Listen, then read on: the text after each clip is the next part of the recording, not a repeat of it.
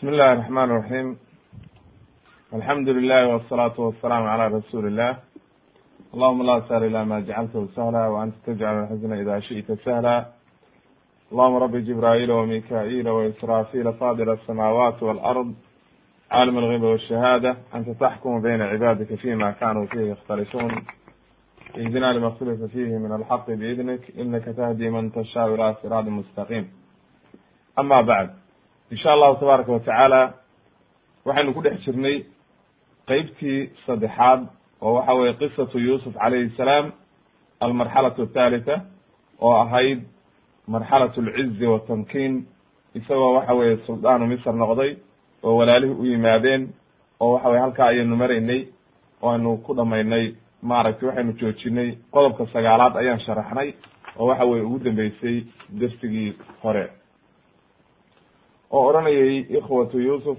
maaragtay yarmuna yusuf calayhi salaam bisariqa. Markii nabiyullahi yusuf calayhi salaam uu wiilkii walaalkiis uu doonay inuu qaato oo uu nidaamkii uu ku uu kala hari lahaa walaalihiis uu sameeyey kabacdi markaa markii ay caddeeyeen oo ay sariqadii waatay naftoodii ka beri yeeleen. Mar alla markuu yuusuf uu ka soo saaray suwaacii la waayey galaankii maaragtay alaabtii maaragtay laga soo dhex saaray banyamin ayay markaa waxay yihahdeen qaluu in yasriq faqad saraqa akun lahu min qabl. Walaalkiis ayaa horay u xaday oo yuusuf bay ula jeedaan qodobka ayaynu marka ku gebagabeynay. Waxaynu marka soo qaadanaynaa qodobka tobnaad oo odhanaya ma tadamanathu qisatu yusuf calayhi salaam min alxiyal alsharciya ama mashruuca. Xiiladda waxa la yidhaahdo waa qofku inuu nidaam sameeyo sidii uu u qaadan lahaa wixii uu xaqa u lahaa. Isagoo aan cidna dulmiin inuu xaqiisii qaato oo dariiq markaa qarsoon oo ayna dadkii garanaynin inuu wixiisii ku qaato oo nidaam noocaas inuu sameeyo. Haddaba marka nabiyullahi yuusuf calayhi salaam ilahay wuxuu inooga sheekeeyey inuu maaragtay nabiyullahi yuusuf calayhi salaam. Markii uu qaadanayay walaalkii inuu ku qaatay sababtii waxa weye nidaam uu sameeyey oo waxa weye qarsoon oo aan walaalihii ogeyn aan cid kalena ogeyn ayuu ku qaatay. oo waxa weeye jazaan liikhwatihi macnaha habkii ay sameeyeen iyagu oo waxa weye iyagu maadaama ay awal horay u dulmiyeen yuusuf isagu nidaam waxa uu ku qaatay walaalkii qarsoon oo waxa weye xeelad buu sameeyey. Cuqubatan lahum ma facaluu taasoo waxa weye u noqonaysa ciqaab iyagii wixi ay sameeyeen oo horey u sameeyeen. Marka ikhwatu yuusuf waxa ay qireen haddii uu qofku waxado haddii uu qofku waxado in waxa weeye diintoodu ay dhigayso in la addoonsado.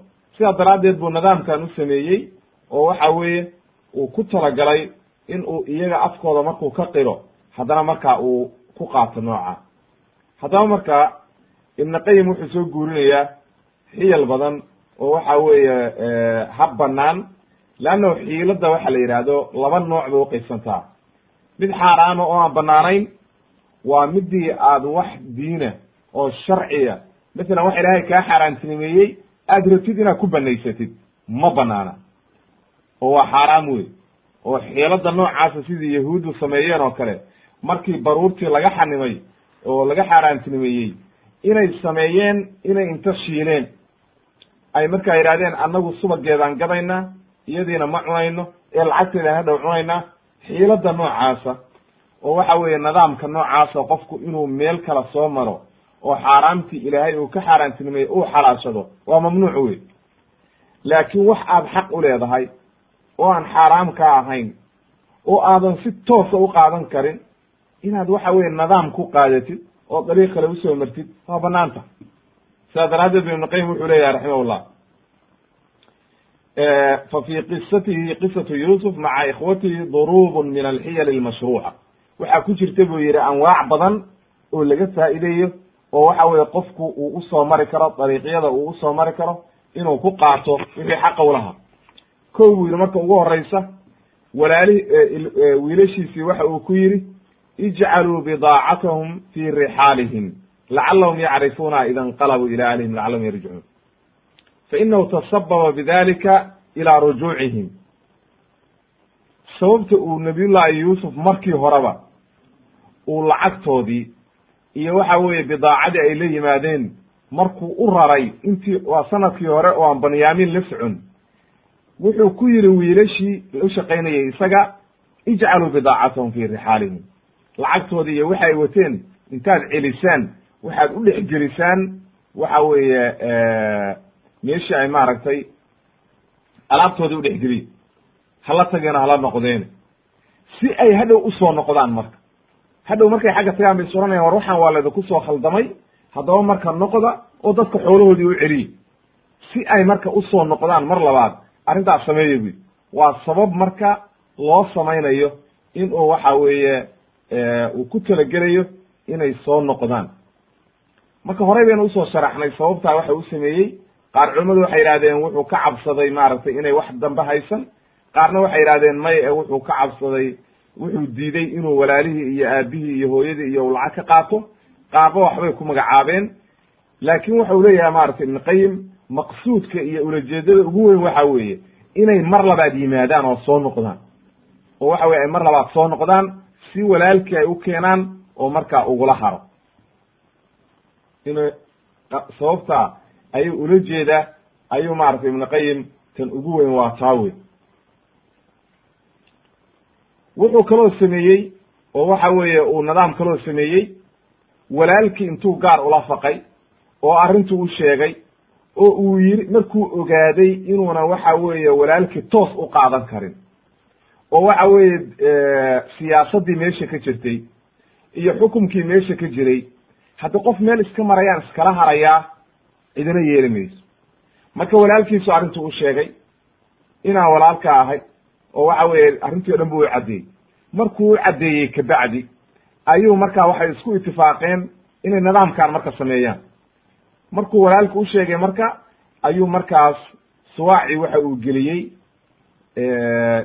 jawaankii iyo waxa weeye ratigii uu watay ninka la yihahdo banyamin alaabtii u saarayd ayuu dhex geliyey iyagoo arrintaa ku heshiiyey. Waxay marka taa kutusaysaa maaragtay in ay xeelad sameeyeen sidii ay maaragtay arrintan u gaari lahaayeen.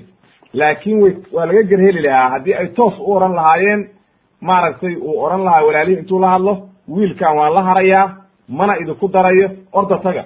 Ma suurtagal maaha laleeyahy maxaad ula haraysaa dacwaa imaanaysa boqorkay gaaraysaa marka arrintii. Laakiin hadda habkan uu sameeyey meel ay ka noqdaan male. Oo waxa weye arrintii iyagii bay ku caddahay wey wuxuu kaloo xeelad kale sameeyey.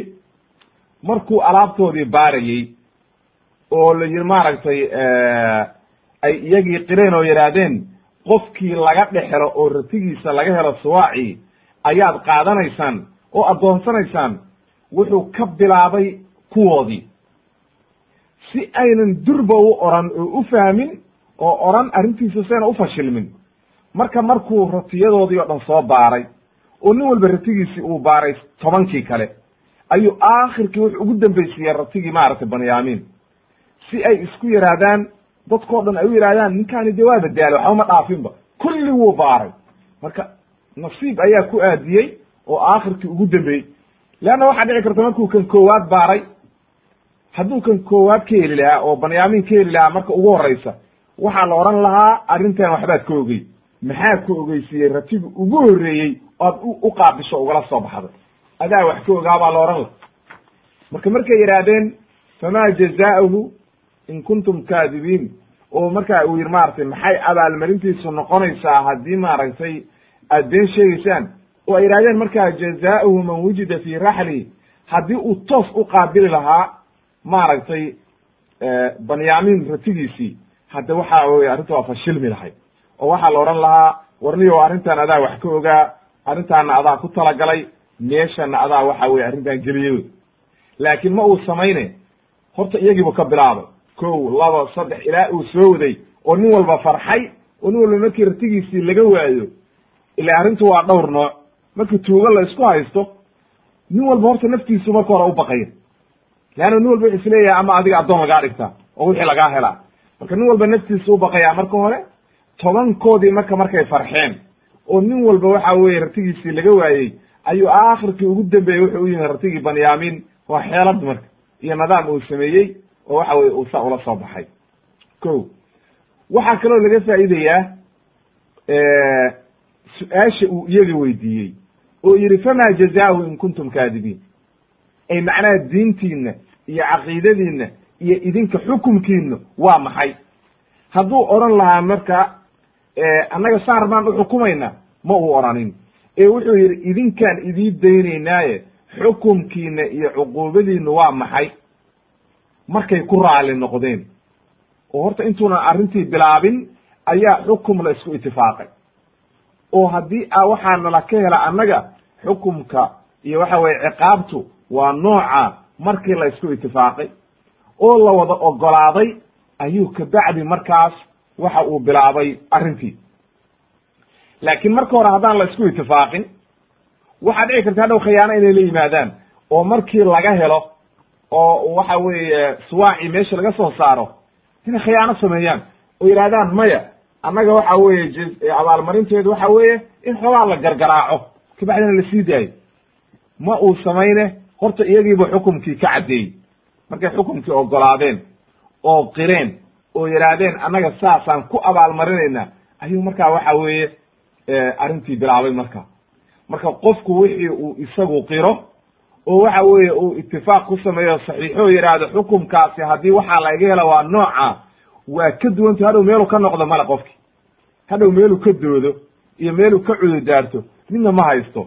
Xeelad buu sameeyey marka noocaana waa xeelad aad iyo aad u cajiibo.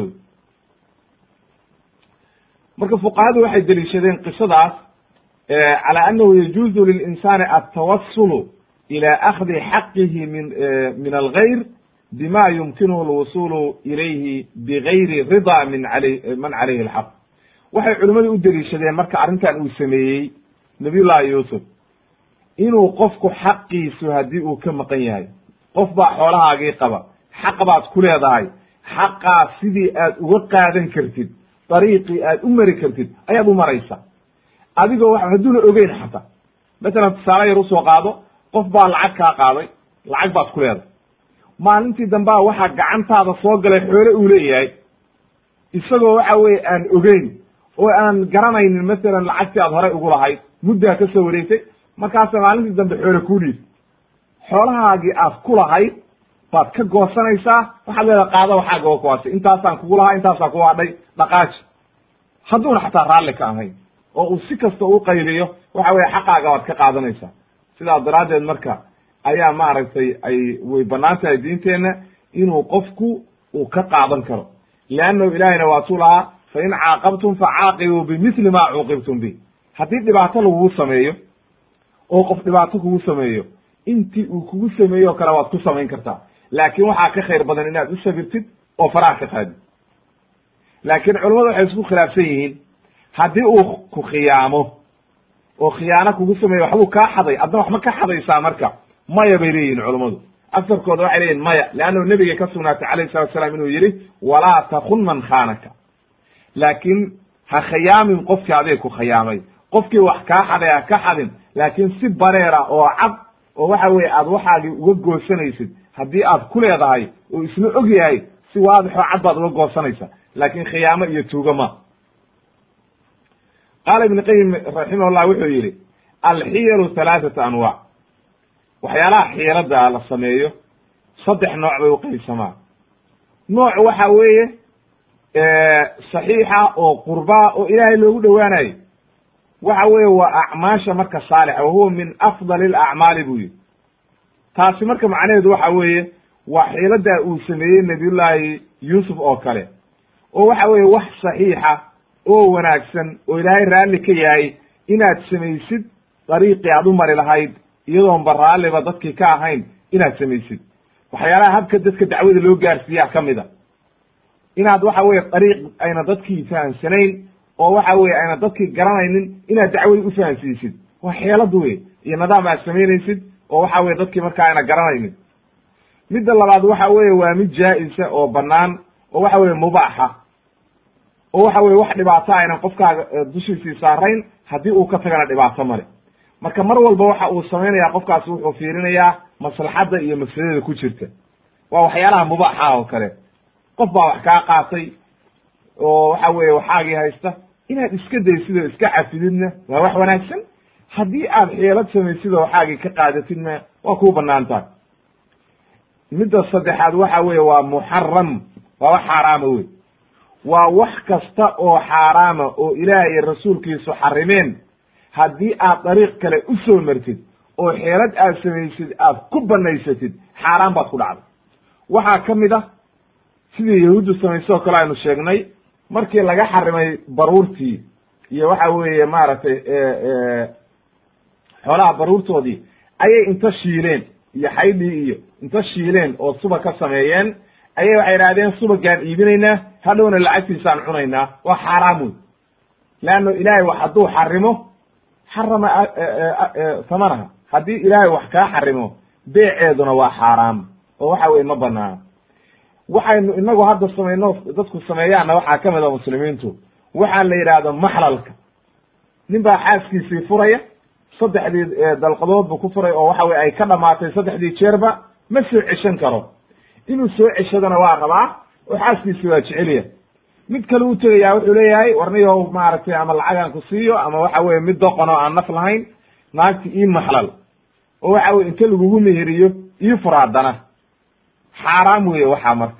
Xeelad waxa weeye waa xiyal xaaraama oo aan banaanayn waxaa kaloo ka mid a qof ay ku waajibtay xuduuddii ilaahay in laga oofiyo oo masalan qof baa zinaystay maxkamaddii baa la keenay in dariiq kale la soo marmaro laaluush lagu bixiyo si looga daayo xuduuddii ama waxa weye qof buu dilay waxaa aad iyo aad u badan maanta soomaalida qof buu qof buu dilayaa markaasaa waxa weye intaasoo dariiq la soo maraya qaar waxay leeyihiin aan la fakanno qaar waxay leeyihiin aan aan diidno kulli waxay ku dagaalamayaan inay xukumkii ilaahay baabi'iyaan oo waxa weeye qisaastii ilaahay bay ka wada hor imaanayaan.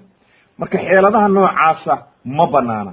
Marka akhilmuslim oo waktilmuslima xeeladdu waxa weye waxaad ku ogaanaysaa waxyaalaha xiyalkaa haddii ay yihiin wax ilaahay iyo waxa weeye kitaabka ilaahay iyo sunnaha nebiga wax ku sugnaaday oo sharciya haddii uu qofku rabo inuu burburiyo oo uu ka hor yimaado ma banaana arrintaasi waana xaaraam oo waxa weye ciqaab buu ku dhacayaa xaaraan buuna ku dhacaya waxaa kaloo marka xeeladina macnaheedu waxa weeye buu yihi ibn qayim raximahullah waxa weeye xeeladdu asalkeeda waxyaalaha xiyalka la yidhaahdo asalkeeda waxay ku xiran tahay iyadu wax xunna ma aha wax fiicanna maaha laakin hadba waxay ku xiran tahay ficilka la samaynayo adiga ficilkaad samaynaysid ayaa la eegaya iyo camalka aad samaysay hadduu camal xaaraama yahay xiiladii aad samaysay xaaraan bay noqonaysaa haddaad camalka aad samaynaysid uu shar mubaax yahay xiiladan iyo nidaamkan aad samaysay xalaal bay noqonayaan. Haddii aad uu camalka aad samaynaysid uu waxa weye sharci yahayna haddii wax wanaagsan oo sharciya ayay noqonaysa. Laakiin xiiladana asalkeeda waxaa la yidhahdaa buu yidhi ay altaxawulu min xaalin ilaa xaal. Macnaha arrin qarsoon oo waxa weeye la qarinayo oo waxa weeye xaaladii la isku ogaamaayo xaalalka arrin kale la samaynayo wey waa khidaac oo kale. Matalan waatuu nebigu lahaa alxarbu khidca macnaha qofku nidaam inuu qarsoon inuu sameeyo weye oo uunan qofkii una waxa weeye mubaasharatan una dareemeynin uu xaqiisiina ku gaarayo markaa marka khidaaca ayaa la mid ah isagana laba nooc buu qaybsamaa. Waxa weye mid xaaraama khidaacuna waxa weye waa noocna khiyaanaha inaad samaysid oo qofkii una dareemeynin alxarbu khidca ayuu yihi nebigu. Marka jihaadki oo kale ayaa loo isticmaalaa dagaalada. Haddaadan nidaam samaynin oo aadan habkii dagaalka iyo nidaam iyo dhabarjebin iyo xeelad aadan samaynin. Hada waxa weye markaa waa lag waa lagaa raynayaa oo waxa weye dhibaatadii aday kugu dhacaysaa wey marka isaguna laba nooc buu qaybsamaa. Nooc banaan iyo nooc aan banaanayn noocaa banaan waxa weye alxarbu khidca oo kale. Waxa weye nidaam masalan nebigu wuxuu samayn jiray markuu qolo ku duulayo jihadooda ay jiraan maaha meel kale u bixi jiri si loo yaraahdo may xaggaasu aaday oo waxa weeye dhinaca kale u aaday oo idinkeeda ma soo aadan. Hadhow buu markuu muddo socdo ayuu xagga ka soo laaban jiray. Sidaa daraaddeed marka arrinta noocaasa waa bannaan tahay. Ama waxa weeye midda xaaraamta oo khidaaca aan banaanayn waxa weeye tii munaafiqiintu samayn jireen oo ah ilahay suu ku yidhi yukhaadicuuna allaha waladiina aamanuu wama yakdacuuna ilaa anfusahum macnaha waxay dhagarta iyo dhibaatada ku samaynayaan oo khiyaamayaan. Waxay isleeyihiin ilaah iyo rasuulkiisa khiyaama been bay sheegayaan. Laakiin naftooday khiyaamayaan.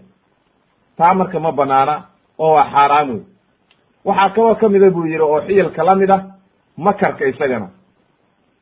Isaguna waa la mid. Oo waxa weye qofku inuu xeelo waa xeeladii wuxu macnihii waa isku wada imaanaysaa. Haddii aad waxa weeye samaysid wax waxa weeye aad ku gaaraysid xaqna waa kuu bannaan tahay haddii aad samaynaysid wax aad baatil ku gaaraysid ood xaqa ilaahay ku duminaysidna ma banaana sida ilaahay uu yidhi waid yamkuru bika aladiina kafaruu liyuhbituuka aw yaqtuluuka aw yukhrijuuka. Wayamkuruuna wayamkuru allah. Wallahu khayru lmaakiriin macnaha quraysh baa lala hadlayaa markii ay samaynayeen ay ka tashanayeen oo khiyaanada iyo dhibaatada ku samaynayeen iyo makarka in ay waxa weeye nebiga calayhi salaatu wasalaam dhibaateeyaan oo ama dilaan ama xiraan ama dhibaato dhan ku sameeyaan. Ilaahayna markaasu iyagii wuxuu ku sameeyey makar iyo waxa weeye dhibaato waxa weye markaa laga guulaysa kaydkuna waa la mid oo waxa weye isagana waa la mid oo waxa weeye labadaa nooc isna u kala baxaa. Siduu ilaahay lahaa wa umlii lahum ina kaydii matin. Fabada'a biawciyatihim qabla wicaa'i akhiri uma istakrajaha min wicaa'i akhiri kadalika kidna liyusuf marka waa nooc min alxiyra isaguna oo nidaam qarsoon oo qofkii waxa weeye uuna dareemaynin. Cala kulli xaal khulaasadeedu waxa weeye noocay doontaba ha noqotee.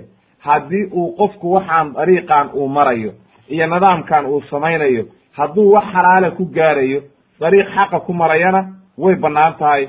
Hadduu xeeladan iyo waxaan u samaynayo dariiq baatilana ma banaano wey.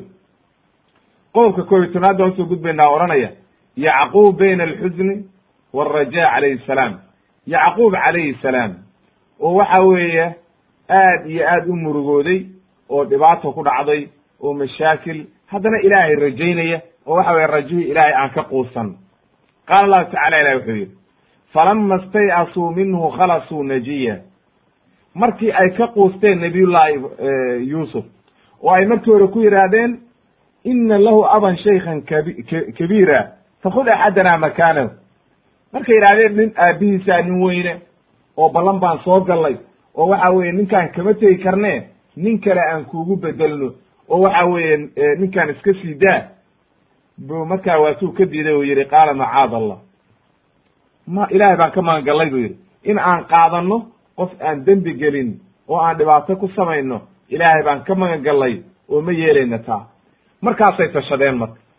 Gaar bay u baxeen falama stayasuu markay ka quusteen minhu ay yuusuf markay ka quusteen oo u diiday inuu banyamin siiyo khalasuu najiya waa tashadeen marka gaar bay isugu baxeen waa faqeen qaala kabiiruhum ninkii ugu weynaa baa hadlay waxa uu yidhi marka waxaana la yidhi khilaafkii sidii hore buu ugu jiraa ninkaa ugu weyne waa kee ma ruubiin ba ma shimcuun ba ma yahuuda saddexdaa qowlba waa jiraan oo saddexdaba waa laleeyaha qaala kabiiruhum ninka la yidhaahdo waa nooca. Marka waa nin waxay leeyihiin culammadu waa ninkii markii horena yidhi qaala qaa'ilu minhum laa taqtuluu yuusufa wa alquuhu fi khiyaabati ljub yaltaqidu bacdu sayaarati in kuntum faaciliin waa ninkii markii horena ugu fiicnaa oo yuusuf badbaadiyey ayay leeyihiin oo yidhi ceelkaa lagu rido yaan la dilin. Marka ninkii baa hadlay waana wax caadiya dee dadku markay walaalo yihiin hadba ninka ugu weyn ayaa ugu ra'yi badan ugu caqli badan haddii uu nin fiican yahay oo waxa weye mar walba talada iyo wanaagga isagaa keenoo laga qaataa wuxuu yidhi alam taclamuu miyidan ogeyn ana abaakum qad akhada calaykum mawtiqa min allah. War miyidan ogeyn buu yidhi ilaahay inuu idinka qaaday ballan adag. Oo maxay ahayd? Ballantii. Waa ti uu yidhi lata'tunanii bihi ila an yuxaada bikum. Macnaha banyamin waa idinku daraya laakiin ballan waxa weeye inaad iila imaanaysaan oo ii keenaysaan ilaa idinkoo dhan layda baabi'iyo. Macnaha biri idinkoo iska socday sidii yuusuf oo kale wiilkii baan la tagnay waana nala ka qaatay yeeli mayo waa inaad ii keentaan idinka oo wada haddii dhibaata idinku dhacdo oo idinkoo dhan layda baabi'iyo oo masiiba idinku dhacdo waa baab gaara waa sabraya marka oo waxa weeye masiibo timid marka ballantii miyaad ka baxaysaan? Aada soo gasheen. Waxaad kaloo samayseen buu yidhi oo waxa weeye waad og tihiin maaragtay wixii aad horay ugu soo samayseen yuusuf. Wa min qablu ma faradtum fi yuusufa. Macnaha waadna og tihiin horay dhibaatadii aad u samayseen oo yuusuf saad ugu gabadfasheen intaad aabihiis ka qaadeen oo waxa weye aad godkii ku rideen ood iibiseen dhibaatadaad samayseen waa is og tihiin. Leanna waa tobankoodii waa is og yihiin. Arrintan horey waxay u sameeyeen. Wuxuu yidhi haddaba marka anigu buu yidhi falan abraxa alarda kama tegayo dhulka. Ay laa azaalu muqiiman haahuna aniga halkaanaan joogayaa buu le oo ma tegayo mana aadaya aabe xataa ya'dana lii abi.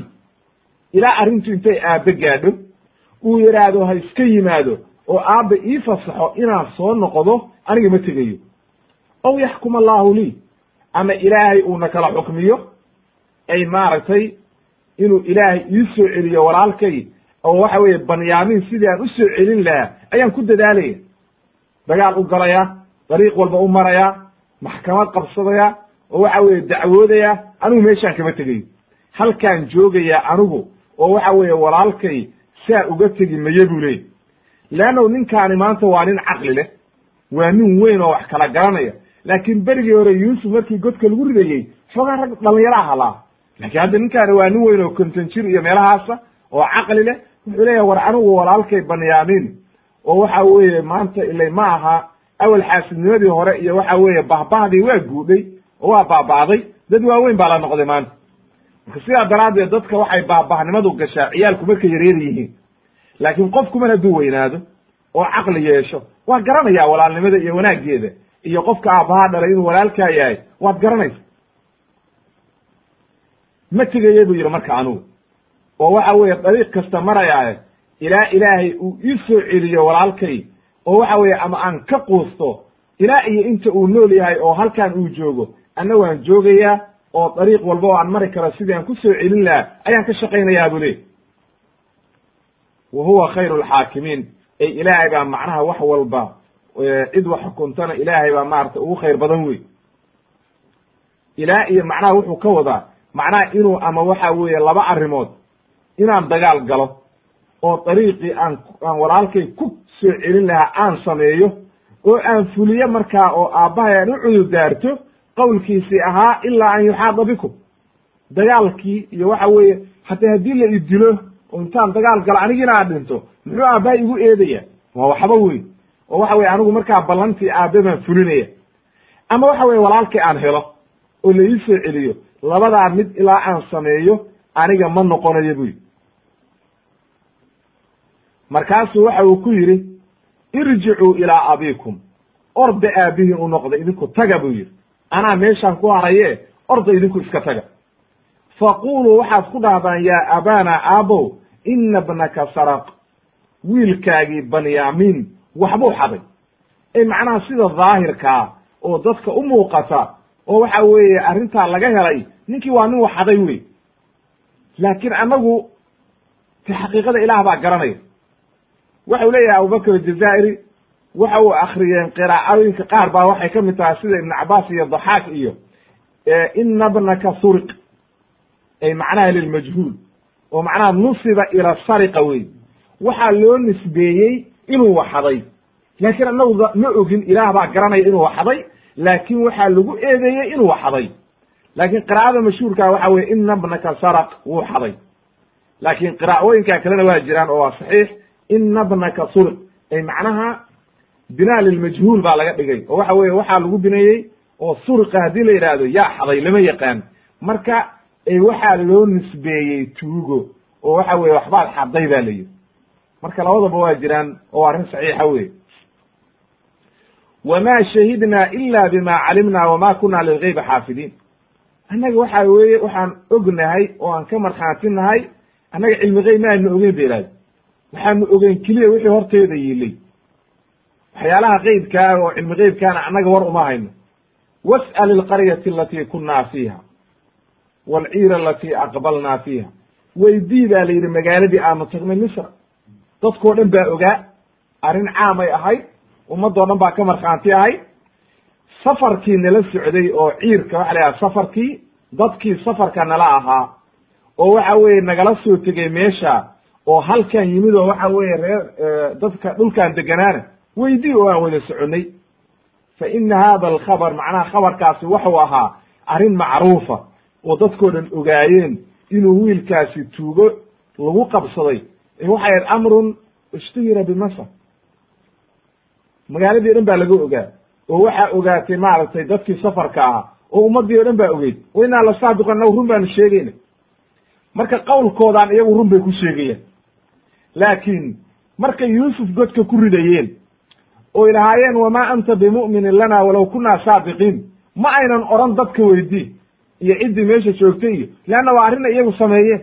Oo khiyaamo ay ahayd laakiin middaani maadaama iyagu aynan khiyaano ka samaynin oo ay og yihiin inay beri ka yihiin oo waxa weeye ay arrin iyagu aynan samayn ay tahay ayay waxay leeyihiin bal ummadda weydii oo waxa weye markhaanti ayaanu ku haynaa inaanu annagu arrintaa aanu samaynin ee wiilkaa lagu qabsaday waxbuu xaday. Fa ajaaba lahum. Waa jawaabay marka. Oo waxa weye marka ayuu jawaabtii bilaabay nabiyullaahi yacquub calayhi salaam. Marka waa meesha soomaalidu ay kaga maamaado beentaada hore runtaada dambay u daran tahay waa mawduuc halkaan oo kale wey. Shala been baad sheegteen idinkoo is oohinaya ayaad been sheegteen. Yaa maanta ida rumaysanaya wey. Qaala wuxuu yidhi bal sawarat lakum anfusukum amran fa sabrun jamiil. Been baad sheegaysaan buu le naftiina ayaa wax kale idii qurxisay oo macnaha shala sidii aad yuusuf u khaarajiseen ayaad banyaamiinna khaarajiseen wey. Waxa weye waxaan aad sheegaysaan waxba kama jiraan. Ay laysa alamru kama dakartum sida aad waxaan sheegaysaan ma aha. Ma uu xadinin tuugna ma aha. Xaqan waxa weeye dabeecadna uma laha inuu waxado laakiin naftiinaa wax idii qurxisay ayay leeyihiin culammadu saas ayaa laga wada qaala ibn isxaaq waxau leeyahay wakayruhu lama kana atafridu minhum fi banyamin mutaratiban calى saniicihim fi yusuf qaala lahu ma qaal sababtuu u yidhi hadda iyagu hadda beri bay ka yihiin oo banyamin dhibaato kuma samaynin laakiin sababta uu uleeyahay idinkaa naftiini wax idii qurxisay oo waxa weeye arrintan waxba kama jiraane idinkaa dembiilayaala oo waxa weeye banyamin waxba ma xadin idinkaa dulmiga wada sababtu waxa weeye waa kalaamkoodii hore liannahu banyamin in la qaato oo lala haro waxaa sabab u ahayd yuusuf oo ay markii hore dhumiyeen sidaa daraaddeed marka ficilkoodii hore ayaa sababay in dhibaatadaana maanta ay ku dhacdo banyamin oo lala haro sidaa daraaddeed ayay marka waa waxa weeye ina min jazaa'i sayi'ati sayi'atu bacdaha ayay yihahdeen culummadu hadduu qofku xumaan sameeyo xumaantaasi waxaa dhici karta inay hadhow xumaan kale haddana u sii jiido oo waxa weye mar haddii qofka masalan tuugo lagu barto. Isagoo aan waxadin haddii xataa wax xalxado waxaa leeyahy warkii tuugga ahaa baa magaalada joogay hala raadiyo ila tuugaa lagu bartay. Marka waxa weye qofka wixii lagu barto ayaa mar walba lagu tuhmaya. Sidaa daraaddeed nabiyullahi yuusuf nabiyullahi yacquub markii hore wuxuu dareemay inay khiyaano sameeyeen oo yuusuf ay dhibaato ku sameeyeen. Markaasu wuxuu leeyahay maaragtay markaasu waxa uu yihi ugu jawaabay casa allahu an ya'tiyanii bihim jamiica. Ilaahay waxa uu mudan yahay inuu kulligood keeno yacni yuusuf wa banyamin wa rubin oo walaalkooda weynaa oo meeshii ku haray saddexdoodiiba ilaahay inuu ii keeno. Baan ilahay ka rajaynayaa buy marka ninkaani waa nebi wey waxyi min allahi baa u imaanaya. Waxaa dhici karta inuu arrintan iyagaa la imtixaamayaayo isagu inuu la socdo wuxuu leeyahy anigu casa allahu an yaatiyanii bihim jamiica. Ilaahay waxaan ka rajo qabaa. Weli kama uu quusan yuusuf inuu dhintay. Ilaahay waxaan ka rajo qabaa buu yidhi yuusuf iyo banyamin iyo kii kaloo weynaa kulligoodba ilaahay inuu ii keeno ayaan ilaahay ka rajaynaya oo mar walba ilaahay buu rajaynaya oo waxa weye rajadiisu ilahay bay ku xihan tahay. Inahu huwa alcaliimu inahu huwa alcaliimu. Ilaahay baa wax walba og. Ay macnaha bixaali wamaa ana fiihi maaragtay xaaladayda iyo arrintayda iyo dhibaatadayda. Ilaahay waa ogyahay alxakiimu macnaha waxa ilaahay uu qadarayana ilaahay baa og xikmadeeda iyo waxa weeye walahu alxikmatu albaaliqa ilaahay markuu wax xukminayo asbaab u samaynayo hadda ilaahayga subxaana qaadirka ayaa xakiim ah oo wax walba mawdici uu dhigi lahaa. Ilaah baa garanay. Halkaa marka markuu caddeeyey oo ilaahay tala saarsaday ayuu watawallaa canhum. Waa ka jeensaday marka intuu ka jeensaday oo wiilashiisii ka dhaqaaqay ayuu waxa uu yidhi wa qaala yaa asafa calaa yuusuf. Macnaha wuxuu xusuustay yuusuf calayhi salaam oo waxa weye u barooranaya oo waxa weye ush maaragtay usha baroorash qofku markuu baroor diiqda oo matalan wax markii intay aadan gacan ku haynin aad shallaa'aysid od ilaahu yaa yuusuf maaragtay waxa u leeyahay ilaahu maaragtay yuusuf un haddaan mar arki laha marka sidaa daraaddeed ayaa waxa weeye wuxuu sababta uu maxay tahay sababta uu yuusufna mar walba ugu barooranayo. Wiilashii kalena uuna waxa weye u soo qaadaynin. Oo banyamin hadda kama uu nixine. Oo waxa weye bany waa ka naxayaa laakiin maadaama muxuu u yidhi yaa asafa calaa yuusuf. Waxay leeyihiin culummadu xubbiga iyo kalkacaylka qofka qalbigiisu ma qaybsami karo haddii qofka qalbigiisa uu ka buuxsamo qof waxa weeye markaa waxa weye wuxuu noqonayaa qofkii un baa qalbigiisa mar walba ku jiraya sidii ninkii gabayay u lahaa maaragtay ay gabay u keenayeen aw maaragtay lahaa malxubu ila lilxabiibi alawali maaragtay qofku wixii uu jeclaado jacaylkii qalbigiisa markii hore buuxiyey unbaa qalbiga ka buuxa wey waxa weye mar hadduu qofku marka jacaylkii uu nabiyullahi yuusuf jeclaa oo wiilkiisii ahaa ayuu aad iyo aad maaragtay oo waxa weeye maaragtay uu u soo xusuusanaya mar walba. Wabyadat caynaahu. Nafti waxa waxaa caddaaday oo indhihii baa dhacay oo dam yidhi suu maaragtay min alxusni maaragtay maaragtay kasrat lbuka si u ooyayey oo waxa weeye u barooranayey oo waxa weye uu nabiyullahi yuusuf uu aad iyo aad uga naxayey ayaa markaa indhihii caddaadeen oo waa indha beela. Dam bay yidhahdeen indhihii fa huwa kadiim ay mukadamun maaragtay isagoo qarinaya. Maaragtay aan cidna u eed sheeganaynin oo ilaahayga subxaana qaadirkaa keliya ku kalsoon ayaa waxa weeye yuusuf suu uga naxayey ayaa markaa indhihii caddaadeen oo indhihii dhaceen. Caradiisiina uu qarinayo oo waxa weye uu mar walba uu qarinayo waxa weye uunan dadkii u eed sheeganaynin ilaahay dartii u tadarucayo ilaahay unbuu baryaya oo gacmaha u hoorsanaya ee cid kale waxa weye lama u hadlayo wey waatuu aayadda gadaal ku ohanaya inamaa ashkuu bati wa xuzni ila allah. Markay halkaa marka arkeen wiilashiisii falamaa ra'aa banuuhu wax markay arkeen dhibaatada ku dhacday odagii iyo xusniga iyo mashaakilka ku dhacay ayay u naxeen marka. Odagii waa waayeel wey indhihii waa dhaceen waa iska ooyaya yuusuf buu u ooyayaa waxay marka laba toosaan u sii naxayaan ficilkan iyagaa sameeyey dhibaatadan iyagaa iyagaa keenay oo dhan. Markaasay naxeen oo waxay yidhaahdeen tallaahi tafta'u tadkuru yuusufa xataa takuna xaradan aw takuna min alhaalikiin. Marka qowlkaani ma aha inay ceebaynayaan waa qowl waxa weeye naxariisa oo ay leeyihiin ilaahay baan ku dhaaranay macnaha weligaa yuusuf waad soo xusuusanaysaa ilaa aad halaagsantid oo aad dhimatid oo waxa weye aad halaagsantid. Marka waxay leeyihiin macnaha kama zuulaya qalbigaaga inaad mar walba yuusuf soo xusuusanaysid. Xataa tas maaragtay ilaa aad noqotid xaradan ay musharifan cala almowt xaradku waxa weeye qofku markuu geerida u sii hoobanayo oo sakaraatulmowtkii uu hayo. Ama aad noqotidba min alhaalakiina marka alxardu waxaa la yidhahdaa ay shiddat lmarad macnaha ilaa intaad xanuunsatid oo xanuun kaa tambato oo geeridii ku timaado ama sidoo kalena waa loo isticmaalaa xaradka alfasaadu fi ljismi waalcaqli qofku inuu jirkiisii baaboo waayeel noqdo ama caqligiisi isku dardarmo. Marka waxay leeyihiin waxa yuusuf alayh alayhi salam ba waxay ka wadaan ilaawi maysid ilaa caqligaagu isku darmo oo aad kharaf noqotid ama waxa weye aad dhimatidba oo geeridii ku timaado oo waxa weye intaad caqliga de qofku markuu gaboobo oo caqligiisi isku darmo waxba ma kala garanayo. Wixii waa ilaaweye marka ilaa heerkaa aad gaartid oo waxa weye aad gabowdid maaragtay ma noqon kama zuulaysid inaad yuusuf soo xusuusanaysid fa ajaaba lahum waa u jawaabay marka.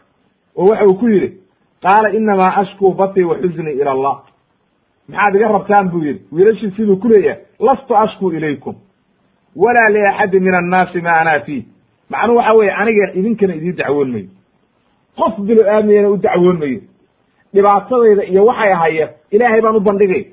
Maxaad iga rabtaan marka? Anigu ilaahayga subxaana qaadirkaa ayaa wax ii qaban kara. Dhibtaan iyo mashaakilkaan haystana ilaah baa iga saari kara.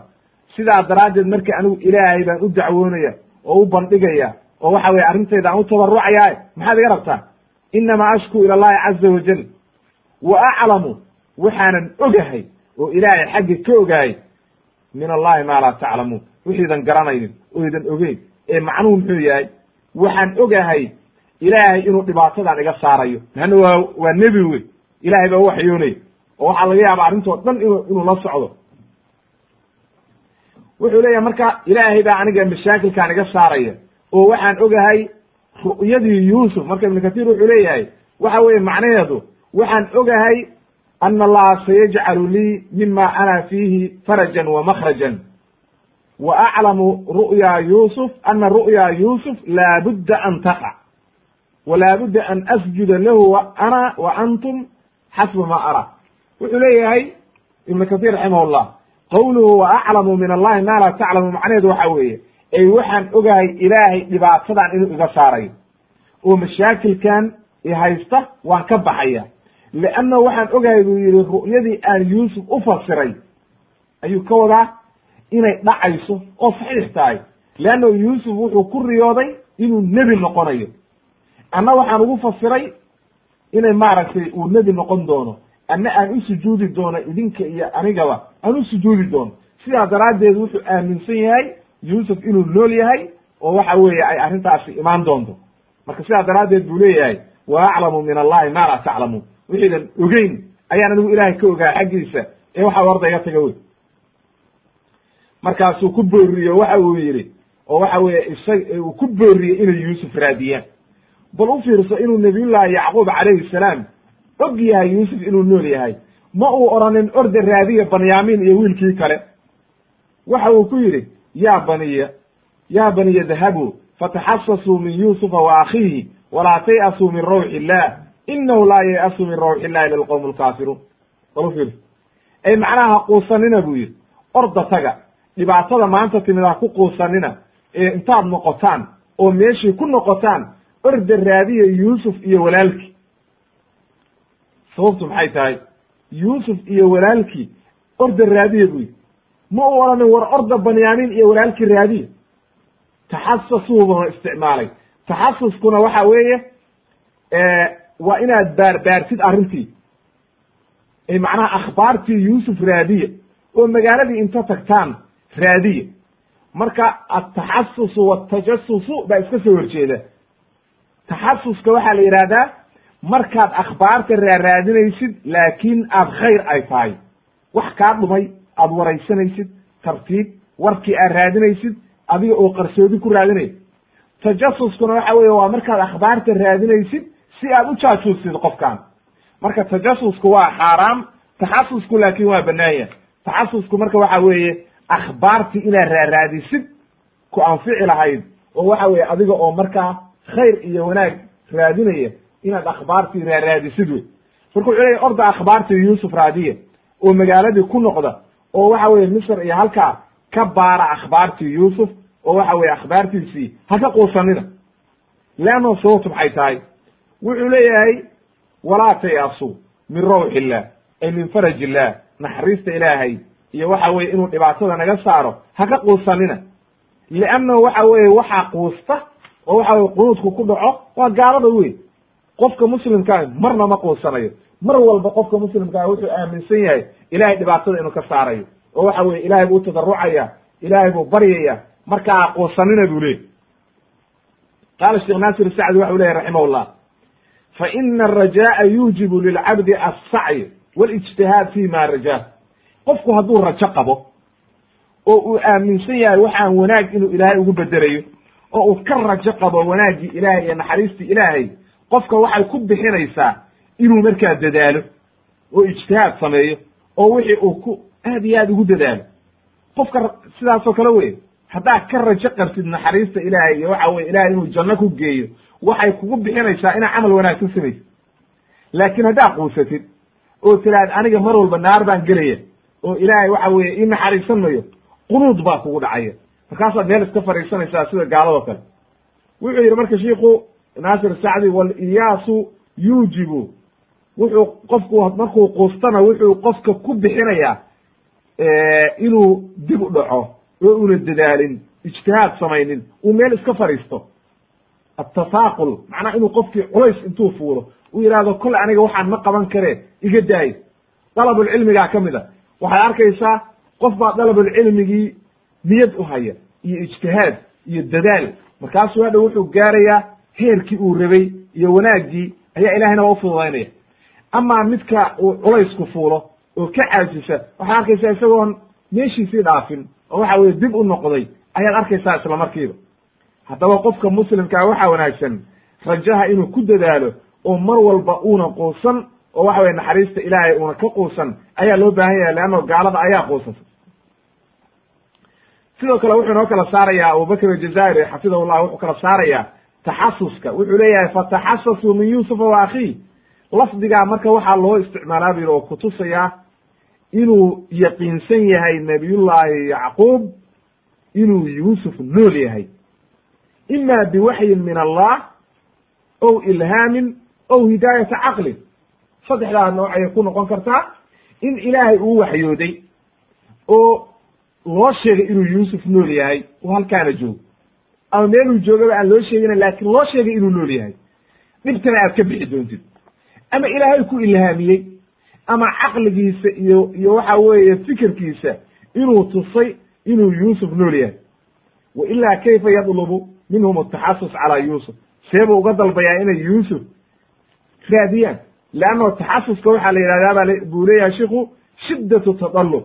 In wixii aad loo raadiyo oo la fiiriyo oo aad loo baaro wa huwa acamu min atajasus tajasuskuna waa waa ka weyn leanno tajasusku waa inaad qofkii akhbaartiisii inta dhegaysatay aad jaajoostid oo sheegtid warkiisii faafisid laakiin taxasusku waa inaad wanaaggii raadisid oo waxa weye aad qofkii wanaaggiisii aad raadisid wey haddaba markaa halkaa markuu ku booriyey marka oo uu yidhi orda noqda oo meeshii ku noqda oo raadiya yuusuf iyo akhbaartiisii ayaynu marka waxaynu u imaanaynaa iyagoo mar labaad inta soo noqday waxa weeye u imaanaya yuusuf calayhi salaam ayaynu imaanaynaa marka.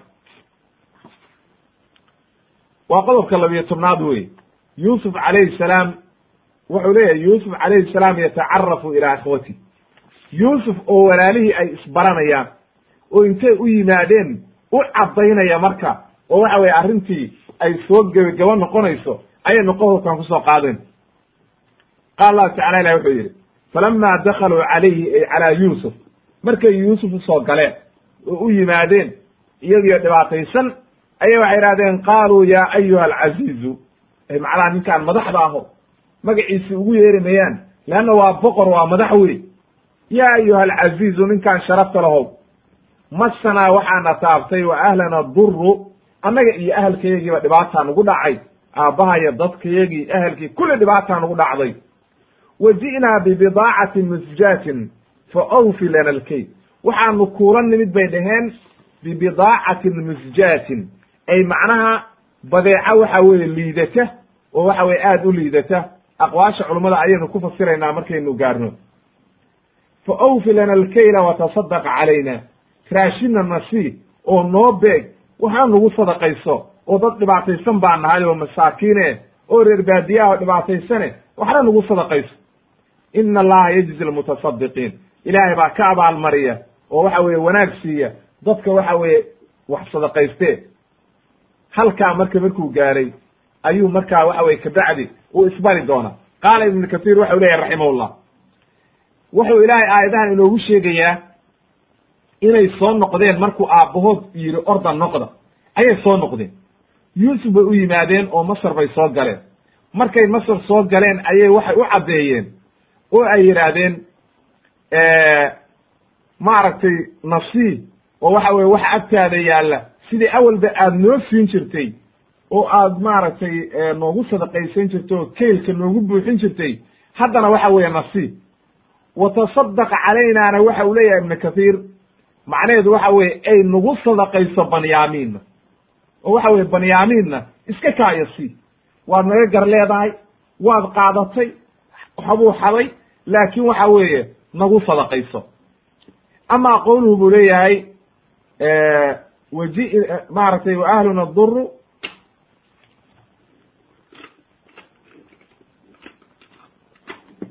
waxa uu leeyahay qowluhu tacaala ibn kathir uu ku fasirayaa falama dakaluu calayhi qaaluu ya ayuha alcaziizu masana wa ahluna duru macnaheedu waxa weeye ay macnaha abaartii iyo dhibaatadii baana xumaysay oo mashaakil oo dhan baa nagu dhacay.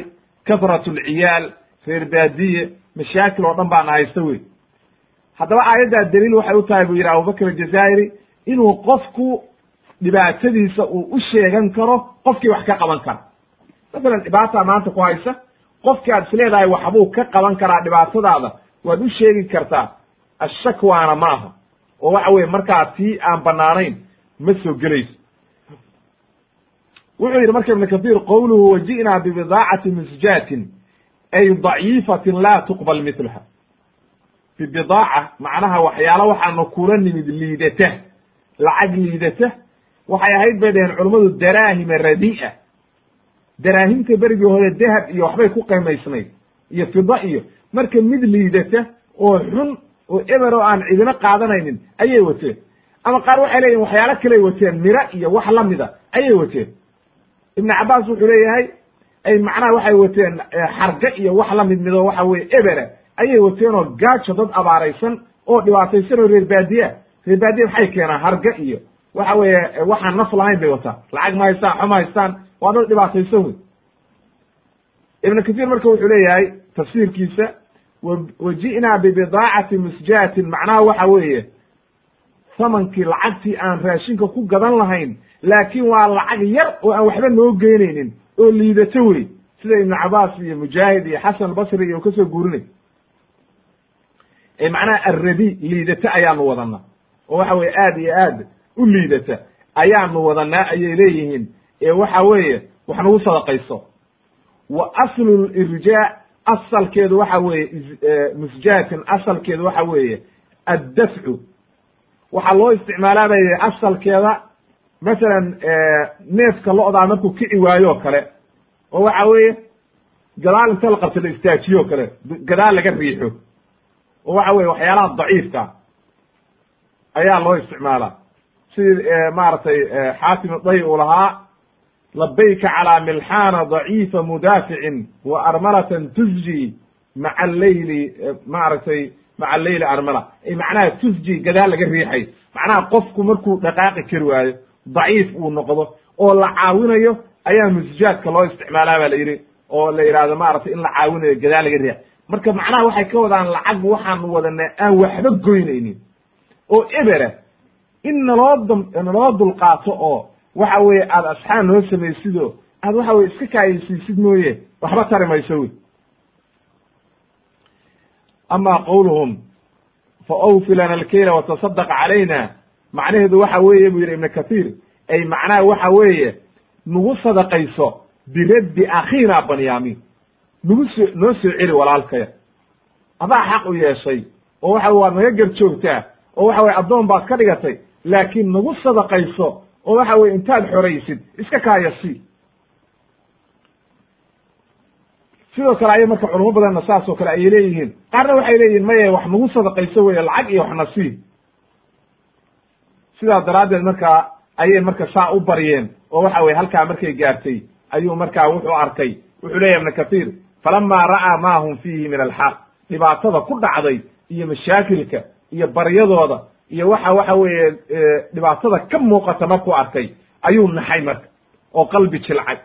Oo waxa weeye uu la hadlay isagoo odhanaya waxaa gaartay walaalnimadii qaraabanimadii aabbihii dhibaatada mashaakilka ciddii o dhan buu ka naxay markaasu waxa uu yidhi qaala hal calimtum ma facaltum biyuusufa wa akhiihi id antum jaahiluun? Ma og tihiin buu yidhi wixii aad samayseen idinka wala yuusuf iyo walaalkii wixii aad ku samayseen markaad jaahiliinta ahaydeen oo idan waxba kala garanaynin ood eberka ahaydeen oo juhalada ahaydeen maxaad ku samayseen yuusuf dhibaatadii iyo mashaakilkii?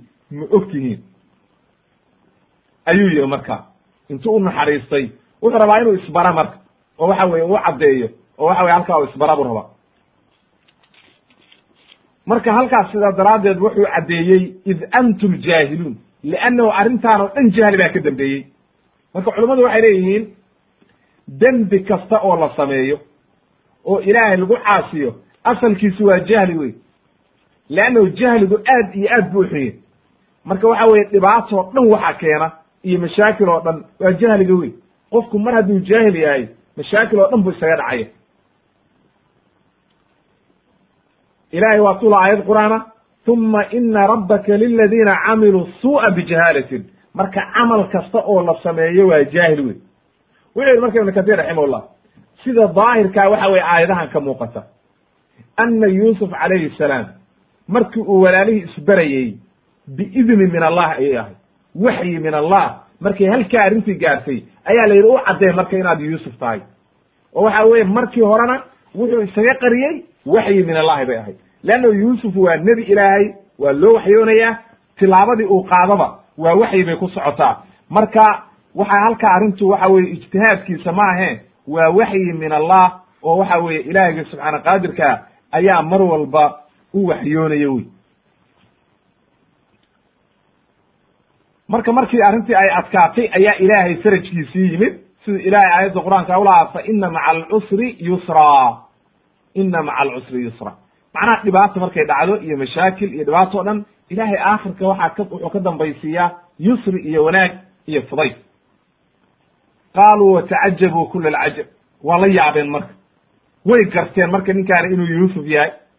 Leannahu arrintii ka dhacday halkaa iyo mashaakilkii halkaa ka dhacay ninkan maxaa ogeysiiyey boqorka oo masr jooga? Hadduuna yuusuf ahayn waa yaabeen oo waxay yidhaahdeen qaaluu a inaka la anta yuusuf? Ma adiga ayaa yuusufa bay dheheen qaala ana yuusufu. Aniga weeye buu yidhi yuusuf ay macnaha ninkeeda la hadlaya oo aad intaa ku soo noqnoqonayseen oo aad u jeedaan waa yuusuf wey. Arrintii dhibaatadii looweydna aad ku samayseen anigii wey. Wa haada akhi banyaminna waa kan waa walaalkay wey arrintii buu u caddeeyey marka. Qad mana allahu calayna macnaha aniga iyo walaalkaya dhibaatadii haadaa akhi waa ta'kiid wey lima qaal arrintii hore u sii adkaynaya oo macnaha wuxuu u sii adkaynaya inaan yuusuf ahay anna yuusuf baan ahay buu leeyahay kan aad maanta u jeedaan oo aad iga baryaysaanna waa walaalkay banyamin wey oo waxa weeye waa ninkii igu hooyada ahaa. Oo aad dhibaatadii loogeyd iyo xaasidnimadii iyo mashaakilkii oo dhan aan ugu samayseen maanta waa kan annagii ayaa ilaahay heerkaa iyo sharaftaana gaarsiiyey oo waxa weye aada hoostayda joogtaan. Qad mana allahu calayna ay biixsaanihi ilaahay wanaaggiisa iyo ixsaankiisa annagana markaan sabirnay ayaa dhibaatadiinnii iyo mashaakilkiinnii markaad naga xoog badnaydeen naga awood badnaydeen oo aad noo dulqaadan weydeen oo waxa weye aad noo naxariisan weydeen ilahay baa noo naxariistay heerkaana na gaarsiiyey inahu man yattaqi wa yasbir fa ina allaha laa yudiicu ajra almuxsiniin ayuu ku gebagabeeyey qofkii sabra oo ilaahay ka baqa oo isku dara iimaan saxiixa iyo camal saalixa iyo sabir iyo taqwa ilaahayga subxaana qaadirkaa ma dayaco ajarkiisa iyo wanaaggiisa oo ilaahay baa badbaadiyo halkaa marka markay gaartay arrintii haddee nimankii waabaa ku beryey maalin cusub bay ku noqotay qof waameyn joogo waagii u beryo kaleu ku noqday wixii aad ka fekerayeen oo dhan yuusuf oo ay islahaayeen mar horuu addoon inta noqday kaas waa u dhammaatay. Marnaba kuma ay fekerin inuu maanta yuusuf halkaa kaga soo baxayo weligood kuma ay fekerin suurtagalna ma aha inuu waxa weeye halkaas ay heerkaa ku fekeraan wax caqligala maaha yuusufkii ay islahaayeen waa desheen oo waxa weye waxaad geyseen maaragtay addoon baad ka dhigteen oo waa la kaxaystay oo waxa weye addoommadaasuu ka mid noqday marna heerkaa ma aynan u malaynin. Qodobka saddex iy tobnaad waan soo gudbaynaa marka odhanaya ictiraafu ikhwati yuusuf bidanbihim wa cafwihi lahum wa mucjizatun daalatun calaa nubawatihi ay yuusuf. Qodobkaani saddex arrimood buu inoo kala caddaynaya. Horta yuusuf walaalihii oo dembigoodii qiranaya oo caddaynaya inay arrintaa jahli iyo dhibaata u geysay oo waxa weeye walaalkood ka dalbaya inuu waxa weeye u qiranaya walaalkood yuusuf dembigii ay sameeyeen. Iyo yuusuf oo iska cafiyaya oo odhanaya maanta waxba la idima haysto. Iyo mucjiso kutusaysa oo cajiib ah oo meesha ka dhacday oo kutusaysa yuusuf inuu nebi yahay oo mucjiso ah oo aad iyo aad u cajiiba qaala ibnu kasiir wuxuu yidhi qaaluu lahu iqraaran bima faraduu waictidaaran lahu. Iyaga oo qiranaya oo u cudurdaaranaya khaladka ay ku sameeyeen iyo mashaakilka iyo dhibaatadii ayay waxay idhaahdeen qaaluu tallaahi laqad aataraka allaahu calayna. Ilaahay baan ku dhaaranay ilaahay waa naga kaa fadila oo waa naga kaa wanaajiyey oo wanaag buu ku siiyey. Wa in kunnaa la khaadi'iin laakiin dhibtaasoo dhan waxaa noo keenay dad khaldan baanu ahay. Khalad baan ku dhacanay ee waa cuudaaranaynaa waa qirnay wey ee macnaha fi ma asnadnaa ilayk wa ha naxnu bayna yaday. Macnaha waxa weye iqraar weeye qofku markuu khaladkiisi intuu qirto qofkii shala dulmiga aad ku samaysay intaad hortiisa istaagtid aad tiraa warniyow khalad baan kaa galay. Dembi baan kaa galay. Waa ikan haddana adigii sida aad rabtid samee. Arrintii gacantaaday maanta ku jirtaa. Waa sidii quraysh nebigu ku sameeyey oo kale markuu maka qabsaday oo la soo wada istaajiyey raggii shalay magaalada ka saarayey oo lahaa waa oo dhibaataynayey oo dhibi jiray ayuu yidhi maanta maxaad umalaynaysaa inaa idinku samaynayo markaasay yidhaahdeen walaalkaya oo wanaagsan oo walaalkayo wanaagsan dhalay baa tahay khayr baan kaa rajaynayn markaasii orda iska taga maanta cidna waxba idima haysatee yuusufna waa sidii oo kale. Marka halkaas sabirkii iyo wanaaggii yuusuf iyo nebi maxamed calayhi salaatu wasalaam way iska waafaqeen oo labadoodiiba walaalahood dhibtay ku sameeyeen waa iska cafiyeen. Fa ajaabahum oo u jawaabo wuxuu yidhi laa tasriiba calaykum alyowm ay lastu ucaaqibakum wey dhibaato idinku samayn mayo ciqaabna laydinku samayn mayo wax alla waxaad horay u soo samayseenna maanta yakfir allahu lakum. Macnaha maanta horta layda ciqaabi mayo. Laa tasriiba calaykum alyowm maanta ciqaab layd melihdi wey cid ida ciqaabaysa ma jirto wixii horay aad u samayseenna yakfir allahu lakum ilahay baa idii dembi dhaafaya marka ma aha macnaheedu sida abubakr ajazaa'iri wuxuu leeyahay xafidahullah. Laa tasriiba calaykum alyowm ma aha inaad ku fasirtid akhilmuslim buu leeyahay alyawma yakfir llahu lakum. Ma macnaha maantaa laydii dembi dhaafayaa ma.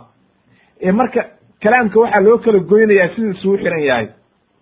Laa tasriiba calaykum alyowm maanta ida ciqaabi mayo weye anigu. oo ciqaab anigu wax aan idinku samaynayo ma jirto. Anoo awoodo inaan ida ciqaabo oo maanta suldaanu misr ah oo hadda haddaan dhaho hala xirxira ama hala dilo layda wada dilayo haddaba ciqaab laydinku samayn mayo maanta. oo anigu waa idii waa ida cafiye wax alla waxaad dhib ii geysateen waad cafi baatiin maanta. Haddana markaasuu u ziyaadiyey oo ka sii farxiye o waxa uu yidhi yakfir allahu lakum. Ilahayna waa idii dembi dhaafaya. Waa waxyi min allah wey? Ilahayna waa idii dembi dhaafayaa buy wa huwa arxamu araaximiin waana ilaahay waa naxariis badan yahay oo waa u naxariistaa maaragtay liman taaba wa anaaba ila allah. Sidaa daraaddeed marka attasriibu waa atawbiik wey. Waa iyo lown iyo canaanta iyo waxa weye dhibaatada iyo weye waatuu nebigu xadiis ku lahaa ida zanat amatu axadikum falyajid falyajidha ha jeedlo oo waxa weeye xadkiiha ka oofiyo walaa yusarib calayha ay macnaha laa tasrib caleyh yuunan ceebaynin oo canaananin oo waxa weeye uuna odhanin khalad baad gashay oo mar walba lagu canaanan soomaalideenna aad bay unaqaanaa qof baa maalin khalad gelaya weligii waxaa lagu haynaya hebel maalin buu waxaday hebel maalin buu dhibaato sameeyey hebel maalin buu khalad ku dhacay looma baana qofku hadduu khalad galo oo ka soo noqdo laguma ceebaynayo lagumana deba joogayo maalin walbana ereygii lagu sii wadi maye faraha laga qaadaya oo waa laga daynayaa wey wuxuu leeyahay marka aniga maanta wax aan idinku samaynayo oo dhibaataa ma jiraan ilaahayna waa idii dembi dhaafaya oo dembi dhaaf baa ilaahay maaragtay ida siinaya ee waxa weeye noocaas ayuu maaragtay leeyahy wa qaala shaaciru nin gabayene wuxuu lahaa facafawtu canhum gayra musaribin ay tasriibkii wey wa taraktuhum liciqaaba yowma sarmidi macnaha ciqaabtooda iyo waxa weye maalin dambe aakhire iyo laakiin maanta laa tasriib tasriibku marka waxa weeye waa qofkii inaad canaanatid maxaad saa u samaysay maxaa waxa u yeeshay qofkii waaba kana waa qirtay khaladkiisiina waa qirtay marka maxaad kaga sii adkaynaysaa ood ka sii canaananaysaa waaba qirtay khaladkiisii wax aad hadda u sii daba joogtid waaba gardara wey w ama qowluhu calaykum yakfir llahu calaykum yowma yakfir llahu lakum?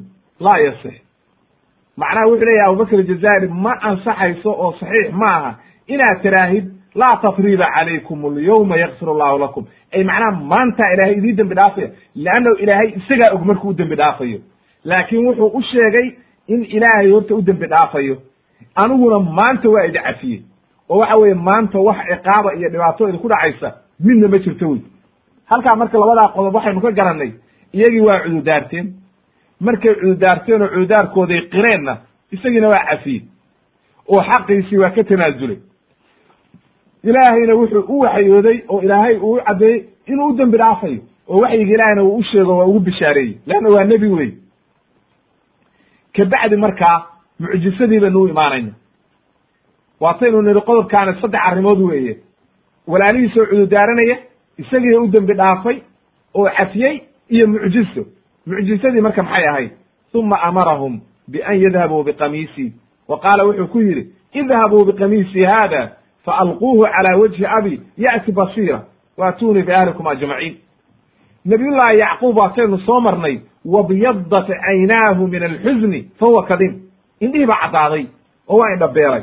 Dam bay idhahdeen indhihii. Waa kan marka wuxuu leeyahay idhabuu biqamiisii qamiiskaygaan qaato caddaatay nimankaani inay walaalahood tahay oo waxa weye walaalaha la noqday sheekadii waa la iscafiyey waa la isku baroor diiqay oo waxa weye halkaa farxad iyo wanaag baa yimid oo waxa weeye nin walba ninkii kale uu ku dhegey walaalaha la noqday khaladkiina meeshii waa ka baxay.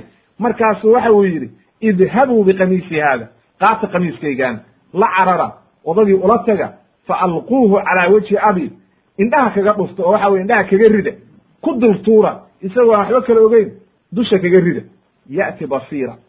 Waxa uu soo noqonayaa indhihii baa u soo noqonaya oo indhihii baa fay odhanaya. Waa mucjizatu min allah wey ilahay xaggi mucjize ka timid wey qof indha beelay oo khamiis dusha laga saaray oo indhihii u soo noqdeen waa mucjize wey waatuunii biahlikum ajmaciin qaala ibnu kahiir wuxuu leeyahay raximahullah laa shaka buu leeyahy ana hada alcilmu xasala liyusuf biwaxyi min allah leanno yuusuf ma ogaan karo cilmi geyb weeye waxaan khamiis qof dusha laga saaray baa indhihii u soo noqonaya waa cilmi geyb wey marka waxyi min allah wey wuxuu leeyahay ibnu kathiir ma wuxuu amray inay qamiiskoodii qaataan wa huwa aladi yali jasadahu qamiiska asalkiisa waxaa la yidhahdaa shayga la gashado ama ha noqdo midka hoose ama kan sare kolley waa qamiisku waa marada la gashado oo waxa weye qofku uu kor ka gashado ayaa la yidhaha qamiiska qamiiskii buu qaatay ay uu yidhi qaada aabbahay indhaha ka saara oo wejiga kaga dhufta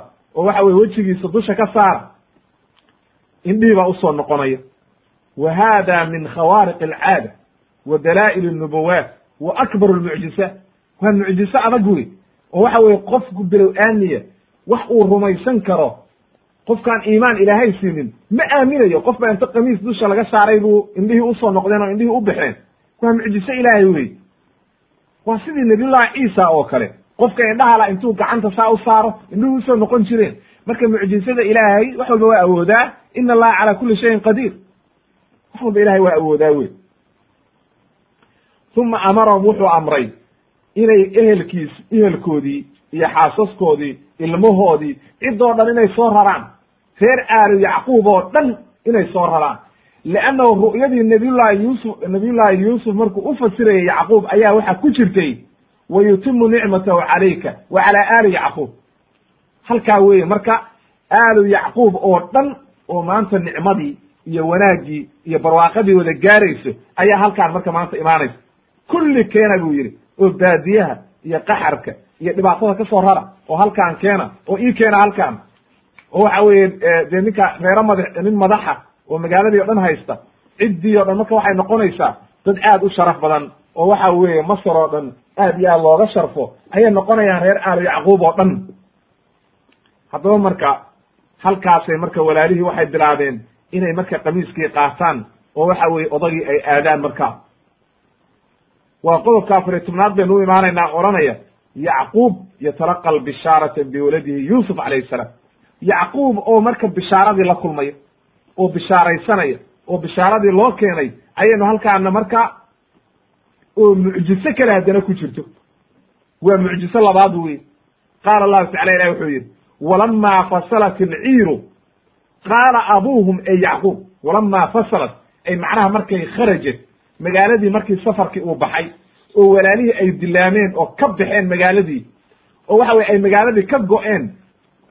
Qofku fasala waxa la yhaha markaad magaalada inta ka baxdid aad magaaladii koonaha uga baxdid oo aad safar geshid oo aad dhaqaajisid qaala abuuhum ee yacquub ayaa meeshii uu joogay dadkii uu la joogay.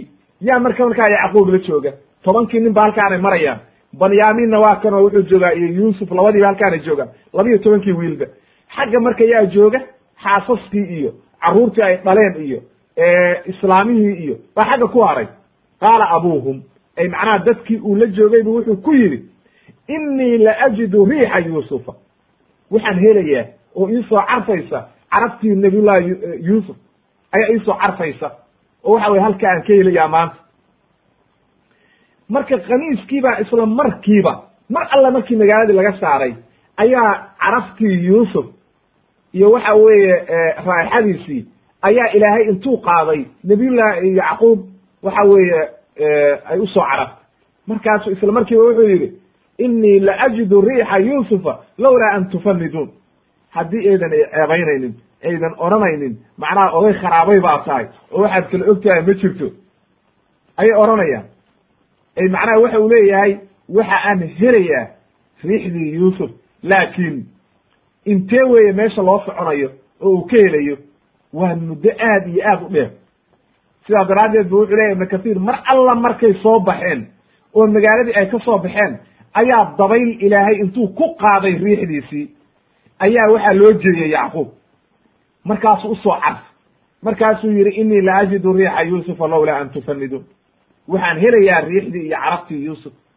Lowlaa an tufaniduun ay macnaha tusafihuun.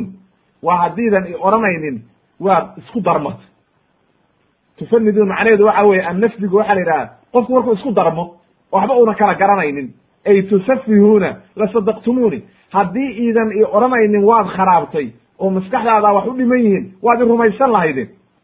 Oo waxa weeye waad i rumaysan lahaydeen.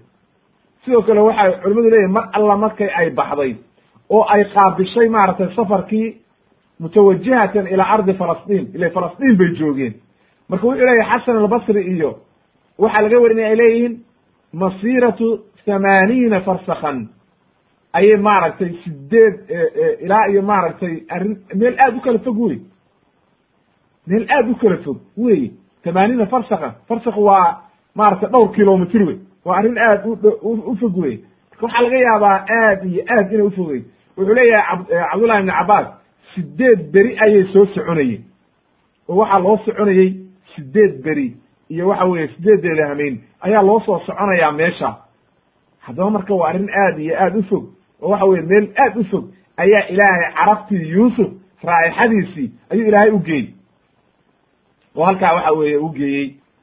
Laakiin ma rumaysanayaan dadkii waxay leyihin odagaana waa isku darmay. Maskaxda yuusuf baa ka galay caqli kale ma hayo ilaa yuusuf mooye wax kale oo gelaya iyo caqli kale oo hayo midna ma jirto oo waa kharaabay wey. Bay dhahayaan leanna waa isaga dhahaya lowlaa an tufaniduun ay macnaha haddiidan i odhanaynin waad kharaabtay oo waxbaa ku dhiman saasaad maaragtay waad rumaysan lahaydeen. Wuxuu leeyahay marka wa ama qowluhum markaase waxay yidhahdeen qaaluu tallaahi inaka la fii dalaalika alqadiim. Way u jawaabeen oo waxay yidhahdeen waa islaamihii iyo carruurtii wixii meesha joogay u jawaabaya wallahi baadinimadii horaad ku suganta. Marka dalaalka awal baynu soo sharaxnay lagama wado maaragtay kii gaalnimada ahaa ee waxaa laga wadaa macnaha waxa aad tahay yuusuf baa inta jacaylkii kaa batay. Weligaa yuusuf ilaawi mayse xaggee yuusuf raa'ixadiisu joogtaa nin mar hore dhintay oo baaba'ay oo waraaba cunay ayay aaminsan yihiin. Marka wuxuu leeyihiin marka waxa weeye dalaalkii hore ayaad ku jirtaa oo khada' baad ku jirtaa ee arrintaadu sax maahee iska aamus. Halkaa marka markay saa yidhaahdeen oo waxa weye arrinta ay saa waa kelimad adag wey aabbahood oo waayeela oo awowgooda ayay waxay leeyihiin waa nin wareersan baa tahaye iska aamus soomaaliduna waa isticmaashaa. Odaga qofku markuu weynaado oo iska hadlo waxay idhahaan waa isku darmadee hadalkiisa waxba qaybo ma leh. War naga aamus odayaho isku daranka waa iyaga yidhahdo soomaalidu ama islaan yahay kharaabto isku daranka marka sidaa daraaddeed waa caasinimo weeye oo ma fiicna in waaridka saa loola hadlo. Waa khalad wey qaala allahu tacala ilahi markaasu wuxuu yidhi falama an jaءa albashiiru alqaahu calaa wejhi kii u bishaaraynayey ayaa yimid marka.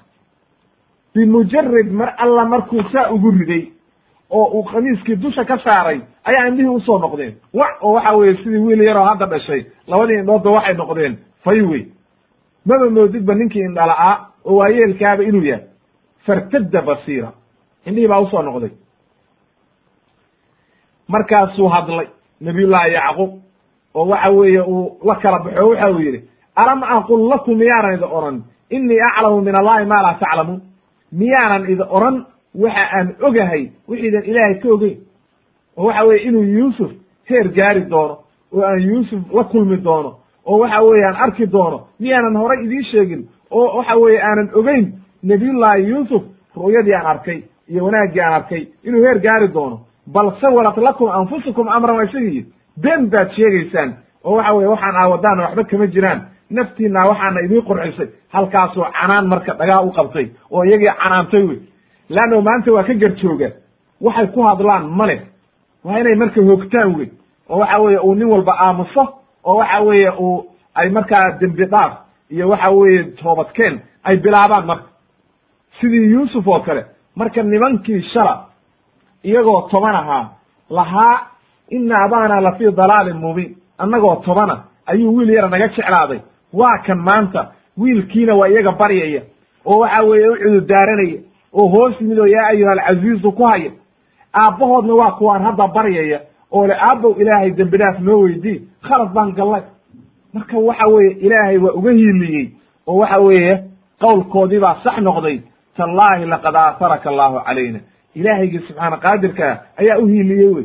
Marka qofkii ilaahay uu wanaag la maagana cid hor istaagi karta ma jirto wey qodobka shan iyo tobnaad baa marka u imaanayna oo oranaya ikhwatu yuusuf yadlubuuna abaahum an yastakfira allaha lahum cama facaluu biyuusuf calayhi salaam. Walaal walaalihii yuusuf oo tobanka ahaa oo haddaba dembi dhaaf weydiisanaya. Tobankiiba waa laysu soo raacay oo waxa weeye qamiiskii baa la soo qaaday oo waxa weeye la keenay odagii baa madaxa lagaga dhuftay oo waxa weye dusha laga saaray waxay marka culimmadu leeyihiin falama an jaaa albashiiru. Ninkaa waxa weeye qamiiskii nin baa soo qaaday. Waa kii markii hore odaga ugu ad adkaabay dheheen culummadu oo aad ugu khayr daraa oo odaga mar walba ohan jiray war odayow kharaabkaa naga aamus. Waxba ma ogide ninkaa mar hore dhintay. Ayaa wuxuu yidhi war maanta aniga qamiiskaa la ii dhiibo. Aan odaga kaga bishaareeye. Oo wixii hore bal toobadkeen ha ii noqote. Qaala allahu tacala ilahi waxau yidhi qaaluu waxay yidhahdeen ya abana ya abana istakfir lana dunuubana inaa kuna khaadi'iin. Toobad bay keeneen marka ilaahayo waxay yidhahdeen aabbow ilaahay dembi dhaaf noo weydii khalad baanu gallay oo dembi baan gallay. Adigii baan khalad kaa gallay ilaahay baan khalad ka gallay walaalkayoo sakiiraan khalad ka gallay. Ibnu kasiir waxau leeyahay dalabuu minhu an yastakfira an yastakfira lahum allah ilaahay inuu u dembi dhaaf dalbo oo ilaahay u baryo ayay ka dalbadeen. Oo waxay arkeen macnaha dhibaatadii iyo mashaakilkii maanta inaan lagaga baxaynin marka inay cududaartaan oo toobad keenaan ma ahayn marka nimankaani markii hore waatay yidhaahdeen wa takunu min bacdi qowman saalixiin. Markay yuusuf u tashanayeen ayay ku darsadeen niyadda oo niyadda gashadeen inay hadhowna toobad keeni doonaan. Iyadii baa ilaahay waafajiyey tii marka hore ay qalbiga gashadeen ayaa ilaahay waafajiyey oo waxa weye markaasay toobad keeneen oo waxa weeye ilaahay ay u soo noqdeen oo toobad keeneen. Fa ajaaba lahum waa u jawaabeen marka waxa uu yidhi sawfa astakfiru lakum rabbii inahu huwa algafuur raxiim hadhow goor dambe ayaan ilaahay idiin baryayaa hadda ma aha dib baan ilahay idinka baryayaa oo hadda waxa weeye culummadu marka waa isku khilaafeen sawfa astakfiru lakum. Gadaal ayaan idinka dembi dhaaf dalbaya waa goorma cabdullahi ibni mascuud waxaa laga wariyey iyo ibraahim itaymi iyo camar ibni qays iyo ibnu jarayd iyo wakayruhum arjaahum ilaa waqti sax. Wuxuu u dibdhigay ilaa iyo waktigii suxuurta laga gaaray. Xilligaa waxa weeye wabil asxaari hum yastakfiruun uu ilaahay yidhi oo ilaahay waxa weeye thuluth alakhiir ilaahay uu soo dego oo uu leeyahay ilaahay hal min taa'ibin oo waxa weye aan ka toobad aqbalo oo waxa weye qof dembi dhaaf weydiisanaya xadiidkii dheeraa waxa weye xadiidkii ah maaragtay ka sheekeynaya inuu ilaahay soo degayo halkaa waktigaa ayuu u dibdhigay bay leeyihi oo waxa weeye waktigii suxuurtuu la sugay. Waa marka ilaahay uu toobadda aqbalo oo aad iyo aad waxa weeye u fiican wey sidaa daraaddeed waxaa laga wariyey wuxuu warinayaa ibnu jariir waxau leeyahay waxaan wuxuu ka warinayaa ibnu idriis in la yidhaahdo ayaa wuxuu leeyahay samictu cabdiraxmaan ibnu isxaaq oo odhanayaan maqlay oo sheegaya ninka la yidhaahdo maxaarib ibnu dithaar ayaa waxa dhacday buu yidhi. Qaala wuxuu yidhi kaana camun lii ya'ti lmasjid. Nin adeerkay ayaa masaajidka imaan jiray. Aroorta hore fa samica insaanan yaquulu. Nin buu maqlay odhanaya allaahuma allahayow dacowtanii waad ii yeertay fa ajabtu waan ajiibay dacwadaadii. Wa amartanii fa adactu waad i amartay amarkaagiina waan yeelay. Wa haada asaxru waktigaana waa waktigii suxuurta. Fakfir lii ilaahu ii dembi dhaaf. Waan eegay wi waan qofkii wuxuu dhegaystay marka ninkaan sawdkiisii mise waa cabdullahi ibni mascuud radia allahu canhu. Wuu weydiiyey. Markaasuu waxa uu ku yidhi marka ninkaani waa taabici wuu weydiinaya marka cabdullahi mascuud. Wuxuu yidhi maxaad saa u samaynaysaa wuxuu yidhi ina yacquub akhara baniihi ila asaxar waxa uu ilmihiisii dib buu u dhigay oo waxa weye waktigii suxuurta ayuu ilaahay toobadii u weydiiyey inuu ilaahay ka dhaaf dalbo. Waatuu ilaahay yidhi saufa astakfiru lakum rabbii ayuu yidhi marka. Marka halkaa ayuu marka culummadu deliishanayaan oo waxaa qowlkaasa ugu badan waxay leeyihiin saufa astakfiru lakum waa wakti saxar wey waa waktiga suxuurta wey. Waana tu ilaahay lahaa maaragtay walmustakfiriina bilasxaar ama maaragtay wa bilasxaari hum yastakfiruun marka xilliga suxuurtu waa xilli aad iyo aad u fiican xadiid baana ku sugnaaday saxiixa uu nebiguna leeyahay yanzilu rabbuna tabaaraka wa tacaala. Hameen walba wuxuu soo degayaa ilaahay maaragtay samadaa soke ayuu u soo degaya mar alla markay ka harto thuluth leyl alakhiir habeenka qeybtiisa dambe saddex meelood oo meel markii loo qeybiyo thuluthka dambe ugu dambeeya aroortii wey markaasuu wuxuu odhanayaa man yadcuunii fa astajiibu lah. Yaa i baryaya oo aan ka ajiiba yaa i weydiisanaya oo aan siiyaa yaa dembi dhaaf i weydiisanaya aan u dembi dhaafa ayuu odhanaya bukhaari iyo muslim baa weriyey marka lafdigaasina waa bukhaari. Lafdiga imaam muslim wuxuu ahaa ilaahay waxa uu u kaadiyaa yumhilu xataa ida dahaba thuluthu lleyl nazla ila samaa'i dunya. Fayaqulu hal min mustakfirin hal min taa'ibin hal min saa'ilin hal min daacin xataa yanfajara alfajru. Marka thuluthu leyl alakhiir habeenka aroortii markii suxuurta la gaaro ayuu marka ilaahay arrimahan dadka odhanaya oo leeyahy war ma idii dembi dhaafa war yaan u dembi dhaafa war yaa i weydiisanay. Xadiidka imam albukhaari baa weriyey iyo imaamu muslim iyo iyo keyrkoodba waa weriyeen xadiidka abu hurayra waa xadiis saxiixa. Imaamu nawowi wuxuu leeyahay xadiidka waa min axaadiisi sifaat wey oo waxa weeye sida saxiixa ahlusunna waljamaaca qabaan waa sidaa uu ilaahay uu nebigu u yidhi yanzilu rabbuna. Amaa kayfiyada uu ku soo degayo iyo habka uu u soo degayo ma garanayno. Amaa inuu soo degayo waa saxiix wey oo waa ictiqaadsanahay sidaa nebigu noogu sheegay ayaan rumaynayna. Leanna waxa weeye waxay la mid tahay waa sidii laynoo yidhi yadullaahi oo kale. Ilaahay baa gacantiisa garanaya wejigiisa ilaah baa garanaya innaga ma garanayno. Laakiin waa rumaynaynaa oo waxa weeye ma nafiyeyno sida ashaacirada iyo suufiyada iyo ay u diidaan ma diideyno iyo muctasilada iyo ee waxaynu leenahay sidaa uu nebigu u yidhi ilaahay wuu soo degaa ayuu soo degayaa laakiin amaa see u soo degayaa alkayfu majhuul wey waa tuu maaragtay imaamu malik la weydiiyey. Markii uu ninkii weydiiyey oo yidhi ilaahay waxaa la yidhi istawaa cala alcarshi kayfa istawa buy see buu ilaahay carshiga ugu sugnaaday markaasuu wuxuu yidhi imaamu maaragtay malik alistiwaau macluum buy wlkayfu majhuul wsu'aalu an waliimaanu bihi waajib wasu'aalu canhu bidca wuxuu yidhi istiwaagu waa macluum buy istiwaaga waxa la yidhaha markaa kursiga ku fariisatid oo kale. Waa wax macluuma buu yihi luuqadda carabiga. Ama kayfiyada uu ugu fariistay allahu aclam ma garanayo. Ama in la rumeeyo waa waajib wey sifaatka o dhanna waa nooca sidaa daraaddeed bu waxau leeyahay sheikh ibn baz raxmat ullahi caleyh waxau leeyahay. Isagoo tacliiqinaya qowlu ibn xajar ibn xajar baa xoogaa wuxuu arrintaas ta'wiiliyey. Markaasuu tacliiqiyey oo waxa uu yidhi ibn xajar baa wuxuu odhanaya ahlusunna waljamaca waxay qabaan maaragtay inuu maaragtay xoogaa ta'wiil buu saar. Markaasu waxa uu yihi ibn baz raximahullah sida saxiixa oo waxa weeye ahlusunna waljamaca ay qabaan oo saxaabadii iyo kulli ay qabaan waxa weeye waa in leannahu muraadka uu ibn xajar haddii u yihahdo alsunna waljamaca wuxuu ula jeedaa alashaacira leanna ashcari buu ahaa xagga caqiidada. Markaasu waxa uu leeyahay marka ibn bas raximahullah sida saxiixa waxa weeye waa sidaas waxa weye ay saxaabadii qabeen waa in la yidhaahdo ahlusunna waljamaca haddii la yidhahdo waa saxaabadii wey iyo taabiciintii waxa ayna ku tageen inay tahay jihat alculuw oo ilaahay inuu kor jiro oo uu soo degayo ayay ku tageen. Sidaa daraaddeed marka lamana tafsiirinayo la odhan maayo saas weeye nooca weeye midna la odhan mayo bilaa tamhiilin walaa kayfin. Iyadoo aan la cidna lagu tusaalaynin oo saynu u soo degnoo kale weeye la odhan ayaa la odhanayaa bilaa tamhiilin walaa kayfin mana garanayno laysa ka mitlihi shayun wa huwa samiicu lbasiir sidaa daraaddeed marka waxa qofku waa inuu aaminaa oo ictiqaadaa oo waxa weeye sida saxiixa buu leeyahay ibn baz raxmat ullahi caleyh naxariistaa ilaahay iyo wanaagga ilaahay xilligaa in la baryo laakiin aan la aan la oranin maaragtay kayfiye loo samaynin oo waxa weeye unan qofku isku mashquulin ayaa la raba haddaba xilligaasuu ilaahay u beryey oo waxa weye xilligaa dambe ayuu u dib dhigay wey haddaba qodobka lix iyo toban oo odhanaya marka ijtimaacu shamli aali yacquub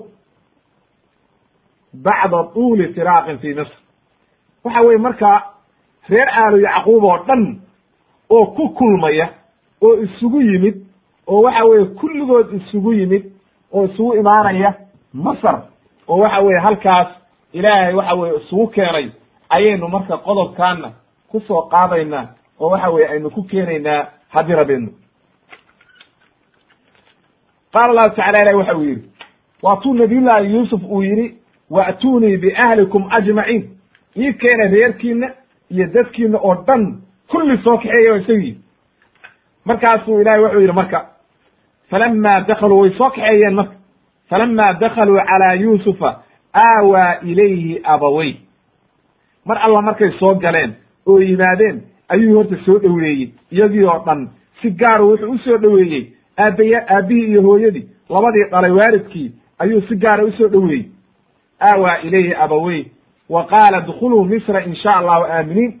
Idinkoo aamina oo nabadgelye ah oo aan dhibaato ida gaaraynin gala baa la yidhi marka masr oo waxa weye misra gala ayaa la yidhi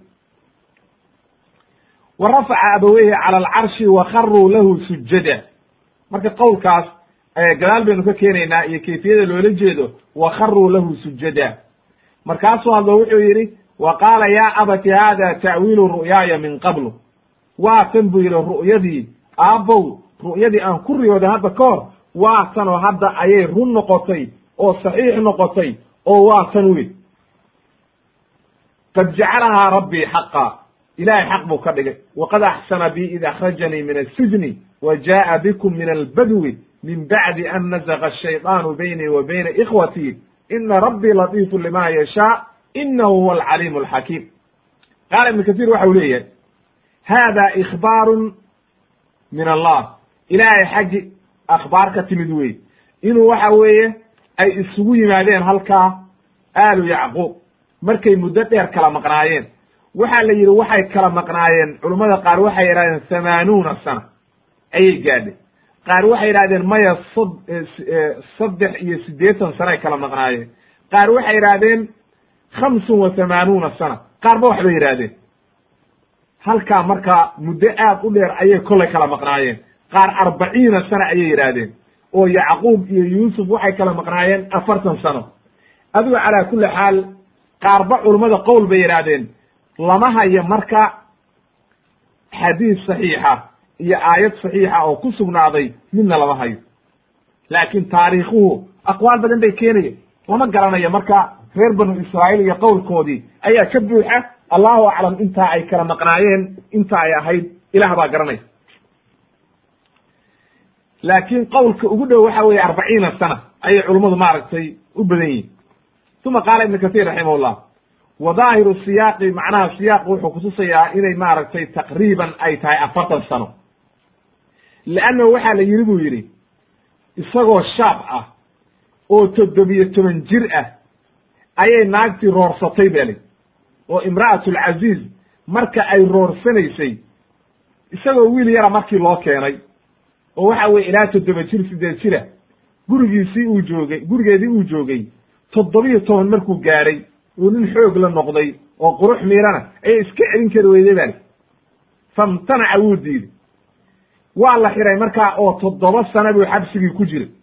Marka toddobiyo toban toddoba lagu daray markaa waxay noqonaysaa afar iyo labaatan sano. Xabsigii buu ka soo baxay buu leeyahay isagoo afar iyo labaatan jira. Toddoba sano ku dar oo waxa weeye abaartiya waxa weeye markaa toddoba sano afar iyo labaatan lagu daray waa soddon iyo kowge haddana markaasuu qabtay oo waxa weye waxa uu qabtay xukunkii iyo waxa weye toddobadii sano abaarta ayaa bilaabatay. Toddobadii sano abaarta markay bilaabatay sannadkii hore walaalihiisaa yimid. Way noqdeen. Haddana sannadkii dambe banyaamiin bay keeneen. Haddana wuu kala haray haddana sannadkii saddexaad ayuu isku sheegay oo isbaray. Halkaa marka waxay keenaysaa taqriiban adigu ama dhowr iyo soddon sano anuu jiray ama afartan sano jiray adigu meelahaas ayay maaragtay qiyaastii ku imaanaysaa ayuu leeyahay ibnu kathiir markay u soo galeen marka u yimaadeen uu yidhi ahalkii o dhan ii keena. Ibnu kathiir wuxuu leeyahay markay soo galeen oo ay soo dhowaadeen oo magaaladiiba soo galeen. Ayuu ka hor yimi oo markaa waxa uu ku yidhi udkhuluu misra. Misr soo gala. Idinkoo waxa weeye macnaha waxay leeyihiin culummadu talaqaahumaa wuu ka hor yimid oo meel hore ayuu uga hortegey oo markii la qiyaastii uu qiyaasayey ama ilaahay ba u sheegay oo waxyi loogu sheegay inuu soo dhow yahay aabbaha iyo ciddii oo dhan inay maanta soo gelayaan oo soo dhowaadeen ayuu ka hor yimid oo soo dhoweynayey oo waxa weye halkaa uu ka hor yimid ayuu maaragtay leeyihiin culummadu wuxuu lehy marka ibnu kathiir waxa uu wuu ka hor yimid ba layidhi oo waxa uu halkaa uga hor yimid oo soo dhoweeyey markaasuu waxa uu ku yidhi soo dhowaada oo misra gala ay macnaha idinkoo aamina aqiimuu biha deganaada insha allahu aaminiin idinkoo aan cidi waxda yeelaynin oo waxa weye wax dhibaataa qabin halkaa imaada marka waxay sheegeen buu yidhi mufasiriintu inuu ka hortegey oo waxa weeye ciidamadii iyo boqorkii meesha haystay iyo wax alla wixii raggii madaxda ahaa wafti la soo dhoweynayo in yacquub laga dhigay leannahu nabiyullaahi yuusuf baa u sheegay oo yidhi waa nebi ilaahay ilaahay baa doortay wa huwa israa'iil. Israa'iil baa loo yiqiinay waana israa'iilna macnaheedu waa cabdullaahi wey marka waa nebiyullaahi israa'iil bu yidhi hala soo dhoweeyey. Markaasaa laga hortegey. Oo halkaa lagu soo dhoweeyey. Fardihii iyo waxa weeye ciidamadii iyo kulli halkaa inta looga hor yimid. Ayaa magaalada kooneeda waxaa looga dhisay khaymado lagu soo dhoweynayo tacdiiman linabiy llahi yacquub calayhi salaam ay israa'iil iyadoo la soo dhoweynayo. Markaasuu nabiyullaahi yacquub markuu halkaa keenay oo uu yimid ayuu waxa weeye u duceeyey melagii oo diintii ugu yeeray oo waxa weye xataa melegiina markaa kabacdi uu islaamay ba laleeyahy oo meliku rayaan kabacdi wuu muslimay ba laleeyahy wa ana allaha rafaca can ahli misr baqiyata maaragtay abaartii iyo wixii dhan baa ilaahay ka dulqaaday markaa masr oo barwaaqa ay noqotay oo roob ilaahay u keenay oo waxa weye ilaahay barwaaqiyey magaaladii o dhan oo dadkii o dhan wanaag ilahay halkaa maaragtay siiye wey waxau leeyahay abubakr ajazairi amarkii ay yuusuf amray walaalihii iyagoo oofinaya ayay ciddii oo dhan soo rareen markii ay soo dhowaadeen oo waxa weye magaaladii soo gelayeen ayaa waxa weeye yuusuf soo baxay isagoo rijaashii o dhan ay la socdaan dowladdii madaxdii fardaha iyo ciidamada meel walba laga taagan yahay hareeraha laga socdo boqor la soo dhoweynayo oo kale ayuu yacquub noqday markaasaa waxa weye halkaa la soo dhowey oo waxa weye inta loo dhisay qaymado waaweyn oo halkaa lagu marti qaaday ayaa waxa weye si sharafa oo wanaagsan loo soo dhoweeyey maalinta. Ibnu kathiir waxa uu leeyahay waxaa la yidhi buu yidhi maalintaa dadkii soo galay oo yacquub la socday awlaaddiisii iyo wixii ay sii dhaleen oo tobankan wiil koob iyo tobankii wiil rag waaweyn bay noqdeen naaga yeesheen oo carruur bay dhaleen waxay ahaayeen ba la yidhi carruurtiisu maalintaa intii la socotay sida uu abu isxaaq warinayo asabiici iyo iyo maaragtay ay culamo badan warinaya cabdullahi mascuud iyo laga warinayo. Wuxuu leeyahy cabdullahi ibn mascuud saddex iyo lixdan qof bay ahaayeen. Culamo kale sida kacab iyo waxay leeyihiin waxay ahaayeen siddeetan iyo saddex. Qaar waxay leeyihiin mi'ata wa tiscuun ayay ahaayeen oo waa badnaayeen. Qaarba waxbay ku sheegayaan laakiin looma hayo wax daliila oo saxiixa ee waxaa laga yaabaa in taariikhdii iyo reer banu israa'iil laga soo qaad qaaday ayay u badan tahay sidaa daraaddeed marka nabiyullahi yacquub calayhi salaam oo duriyaddiisii la socoto oo ay fara badan yihiin isaga iyo wiilashiisii iyo waxay sii dhaleen oo dhan ayaa halkaa marka waxaa yimid ay soo galeen maalintaa oo waxay yimaadeen misr ayay soo galeen oo maalintaa yimaadeen wey markaasuu soo dhoweeyey wa ama qowluhu tacaala maya qowl baa ka horreeya waxay leeyihiin. Wuxuu leeyahay ibnu kathiir marka ahlu kitaabku waxay yidhaahdeen boqol iyo waxay ahaayeen mi'atan wa tiscuuna insaanan. Ayay ahaayeen. Boqol iyo waxa weeye sagaashan qof bay ahaayeen. Maalintii ay reer banu israa'iil ka baxeen masar oo fircoon waktigiisii oo nabiyullaahi muusa uu raa uu kaxeeyeyna oo uu ka saaro ay shaam aadeenna. Waxay ahaayeen ba la yidhi min sit sita mi'ati alfin muqaatil ayaa la socotay. Ilaa lix boqol oo kun oo qof. Lix boqol oo kun. Oo waxa weye rag dagaalamaya adu way badnaayeen ba li dad aad u badan bay ahaayeen. Allahu aclam marka qowlka saxiixa ilaah baa garanaya intay ahaayeen. Ma garanayno wax adilaha ku sugnaatayna ma jirto. Caqiide hadda ka sugnaanaysana ma jirto wa ama qowluhu tacaala wa rafaca abaweyhi cala alcarshi macnaheedu maxay tahay? Wuxuu u soo dulqaaday sariirtii ay ku fariisan lahaayeen. Marka carshiga waxaa la yidhahdaa ay sariiru lmelik boqorku sariirta uu ku fariisto ayaa la yidhaahdaa carshi marka wuxu uu u soo kor qaaday sariirtii iyo waxa weye meeshii uu fariisin lahaa aabihii iyo hooyadii ayuu u soo kor qaaday oo soo dhoweeyey. Markaasay kabacdi ilaahay waxau yidhi wakharuu lahu sujada wakharuu lahu sujada marka waxa weeye waxay markaa u hoobteen inay waxa weye u sujuudeen oo waxa weye aabihii yuusuf ayay u sujuudeen marka qodob baynu ka dhigaynaa wakharuu lahu sujada laakiin aqwaasha culimmadu waxay leeyihiin wa rafaca abaweye cala alcarshi ay waa sariirta wey sida maaragtay mujaahid iyo cabdullahi ibni cabaas iyo saasay leeyiin yacni sariir ajlasahumaa calaa sariiri waxa uu fariisiyey sariirtii isagu uu ku fariisanayey oo waxa weye gaarka u ahayd oo wanaagsanayd ayuu fariisiyey ayuu leeyahy qaar kalena waxay maaragtay waxa uu keenayaa halkaa marka waxaa ka timid. Culamada qaar baa waxay leeyihiin waxaa la yidhi sida ibnu kathiir iyo? Hooyadii horay u dhimatay ee maxaa loo yidhi wa rafaca abaweyhi cala alcarshi sida daahirkaa buu leeyahay ibnu jariir adabari raximahullah oo saxiixa aayaddu waxa ay keenaysaa hooyadi inay nooshahay markaa.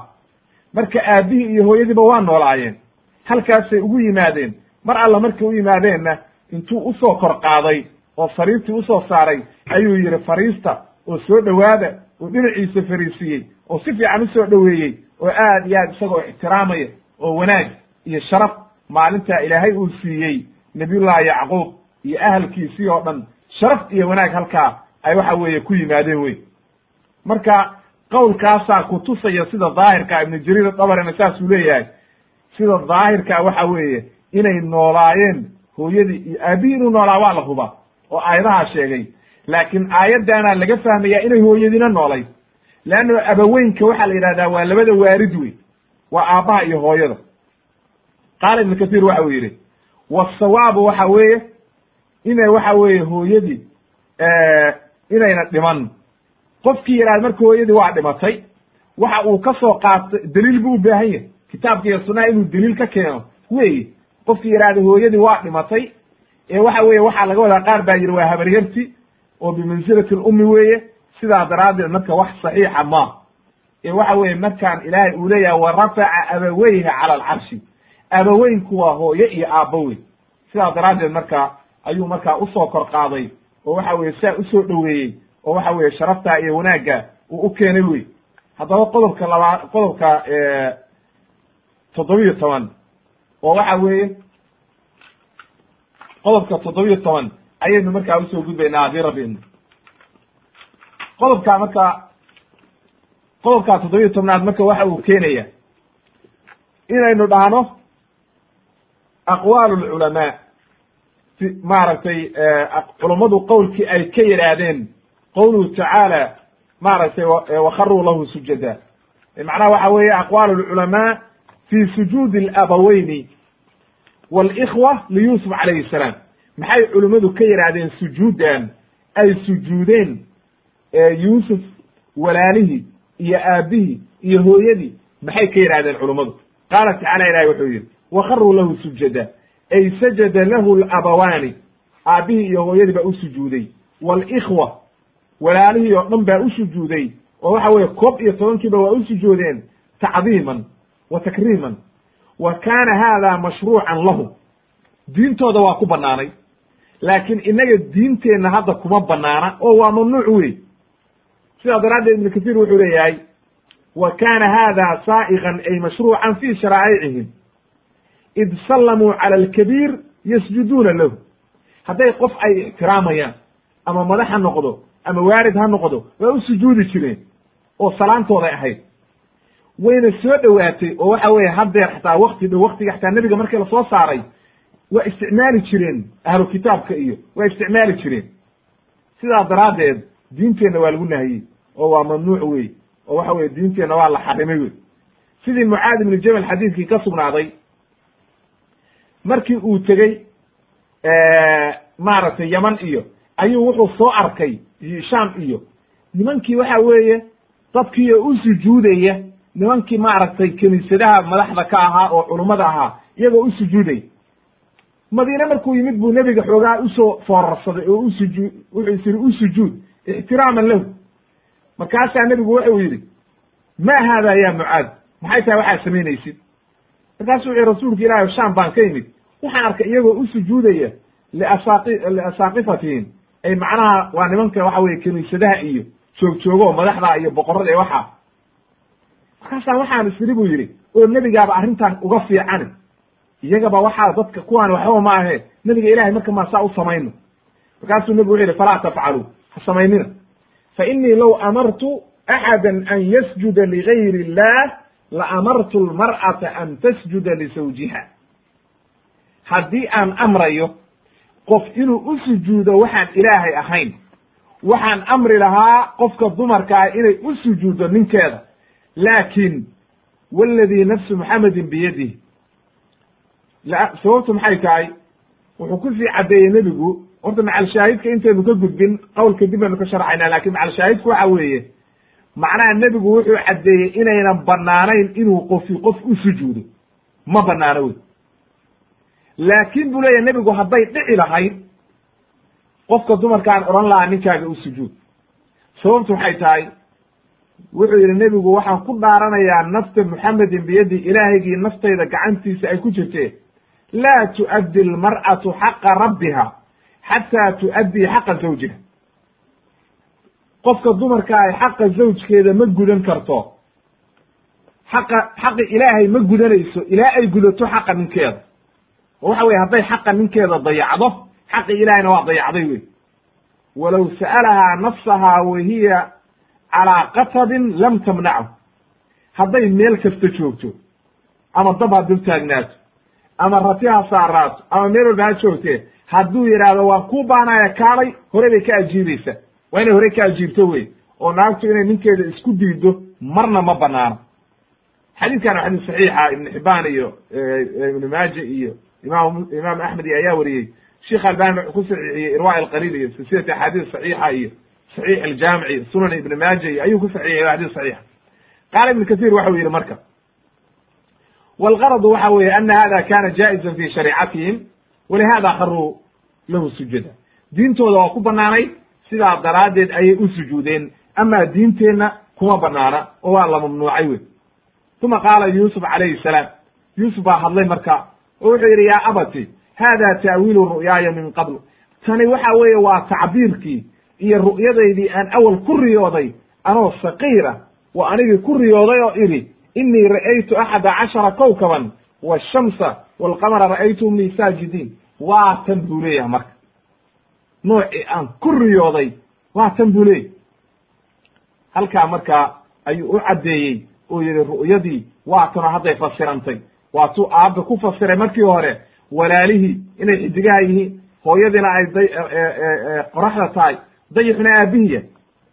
Marka halkaas ayay markaas ta'wiilkii caddaaday oo tafsiirkii ru'yada uu fasirmay wey. Qad jacalahaa rabbii xaqa ayuu yihi qad jacalahaa rabbii xaqa. Ilaahay xaq buu ka dhigay oo waxa weye ilaahay baa sugay oo ru'yo xaqay noqotay. Wa axsana bi id akhrajanii min asijni halkan wuxuu isticmaalay sarbeeb ah uu doonayo walaalihii inayna qalbigooda waxba gelin oo walaalihii inay qalbigooda xumaani gelin buu rabaa. Waxa uu yidhi waqad axsana bi ilaahay waa i hagaajiye. Id akhrajanii min asijni markuu xabsiga iga soo saaray ma oranin id akhrajanii min aljubbi ceelkii ay walaalahay igu rideen ma uu oranin. Ee wuxuu yidhi min asijni wuxuu tilmaamayaa xabsigii dambe oo waxa weeye imra'atulcaziiz iyo ay xireen. Ayuu tilmaamaya wuxuu leeyahy marka qalbigoodu dhowraya leanno haddii uu yidhaahdo walaalahay dhibaataday igu sameeyeen ilaahay baa iga badbaadiyey waa xumaanayaan niyad xumaa gelaysa. Leanna waa isagii markii hore yidhi laa tasriiba calaykum alyawm. Anigu waa idi cafiyey wax ciqaabo dambe ma lihidin sidaas daraaddeed bu waxa weeye qalbigooda dhowraya. Wa jaa'a bikum min albadwi. Wuxuuna idinka keenay baadiyihii iyo dhibaatadii. Ayuu idinka keenay. Leannahu waxaa la yidhi waxay deganaayeen meeshaan hadda la yidhaahdo min bilaad alkhaliil oo dhulkaa falastiin ayay deganaayeen oo reer baadiye ahaayeen. Kaanuu ahla baadiya wa maashiya ayay leeyihiin culummadu sida ibn jurayj iyo waxay leeyihiin dad reer baadiye ah oo ari dhaqdo oo reer baadiye ah oo xoolo iyo dhaqdo ayay ahaayeen. Oo meeshaa dhulkaa falastiin ayay deganaayeen oo sham agteeda halkaasi deganaayeen. Marka halkaa ayuu u tilmaamay yidhi ilaah baa idinka keenay min bacdi an nazaga ashayطaanu baynii wa bayna ikhwatii halkaana wuxuu sii dhowrayaa qalbigii walaalihii oo wuxuu leeyahay markii shaydaan uu aniga iyo walaalahaya isku kaaya diray ma uu oranin markay walaalahay ii xasdeen dhibaatada igu sameeyeen. Ee wuxuu yidhi shaydaan ayaa waxaan ka shaqeeyey walaalahay waxa weeye shaydaan ayaa duufsaday dembigiina wuxuu u tiiriyey isaga iyo walaalihiisba inay waxa weye sameeyeen naasir sacdi wuxuu leeyahay macnaha wuxuu yidhi bal kaana adembu waljahlu macnaha dembigoo dhan oo dhibaatadan dhacday shaydaan iyo jahli ayaa ka dembeeyey waxauna ka dhigayaa dembigii anigana inaan wax ku lahaa walaalahayna wax ku lahaayeen oo waxa weeye shaydaan uu kulligayana duufsaday imaa walaalihiisuu rabaa inuu qalbiga ka dhowro isagu dembi kuma lahayn meesha. Marka wuxuu leeyahay falxamdu lilah ilahay baa mahadle aladi akhza shaydaana shaydaan ilaahay hoojiyey aniga iyo walaalahayna dhibaatadii naga dulqaaday oo waxa weeye wanaag isugu kaaya keenay ayuu leeyi marka halkaa waxay kutusaysaa hada hanaa'un cala allah. Ilaahay buu horta ammaanay oo waxa weeye nicmadii iyo wanaaggii ayuu sameeyey. Haddana wuxuu xusuusiyey nicmadii iyo wanaagga reer aalo yacquub ay gaareen ayuu xusuusinayaa aabihii iyo walaalihi haddana wuxuu u sheegay xumaantii iyo dhibaatadii dhacday oo dhan inay tahay wax shaydaan ka shaqeeyey oo walaalihiisu wuxuu rabaa qalbigooda inuu sugo oo aynan wax dhibaataa qalbigooda gelin. Sidaa daraaddeed buu leeyahay ina rabbii latiifun lima yashaa. Ay macnaha ida araada shay-an haya'a asbaabahu. Ilaahay hadduu arrin doono asbaab buu u sameeya marka wuxuu leeyahay waxaanoo dhan asbaab ayay ahayd. Sabab rabbi baa socotay qadar rabbi baa socotay shaydaan baa meesha ka faa'idaystay. Waxaana weeye walaalahayna maanta waxa weeye wax dambe oo khalada oo ay ku leeyihiin oo dembiya ma jirto wey. Wuxuu leyahy ibn kathir raximahullah. Waxa uu leeyahay waxa uu leeyahay ibn kathir wuxuu soo guriyey buu leeyahay ataclabiyu anahu yusuf calayhi salaam kana laa yashbacu fi tilka siniin xata laa yansa aljicaan macnaha yuusuf calayhi salaam markii abaarta iyo dhibaatada dhacday buu leeyahay siduu aabihii iyo walaalihii iyo dadkiisa iyo dadka muslimiinta dadka masaakiinta oo dhan oo gaajaysan u xusuusto cunto badan ma cuni jirin ma dherki jirin. Wax yar buu cuni jiray oo afka gashan jiray si uu mar walba waxa weeye u sameeyo bal inuu gaajada dadka la xusuusto maadaama uu madax yahay. Madaxda maanta joogtana nasal allah asalaama walcaafiya ilaahay baa ogol marka waxa weeye bal fiiri isagiyo madaxa isaga iyo madaxdiisaba waxay cuni jireen ba la yidhi cunto yar. Saas oo kalea ka sugnaatay. Amiiru lmu'miniin imaam siduu soo guurinayo ibn kathir wuxuu leeyahay amiiru lmu'miniin cumar ibn khadaab radi allahu canhu sannadkii la ohan jiray caamu ramaad waa sanad abaar adag dhacday oo dadku aad u baabi'een bay ahayd.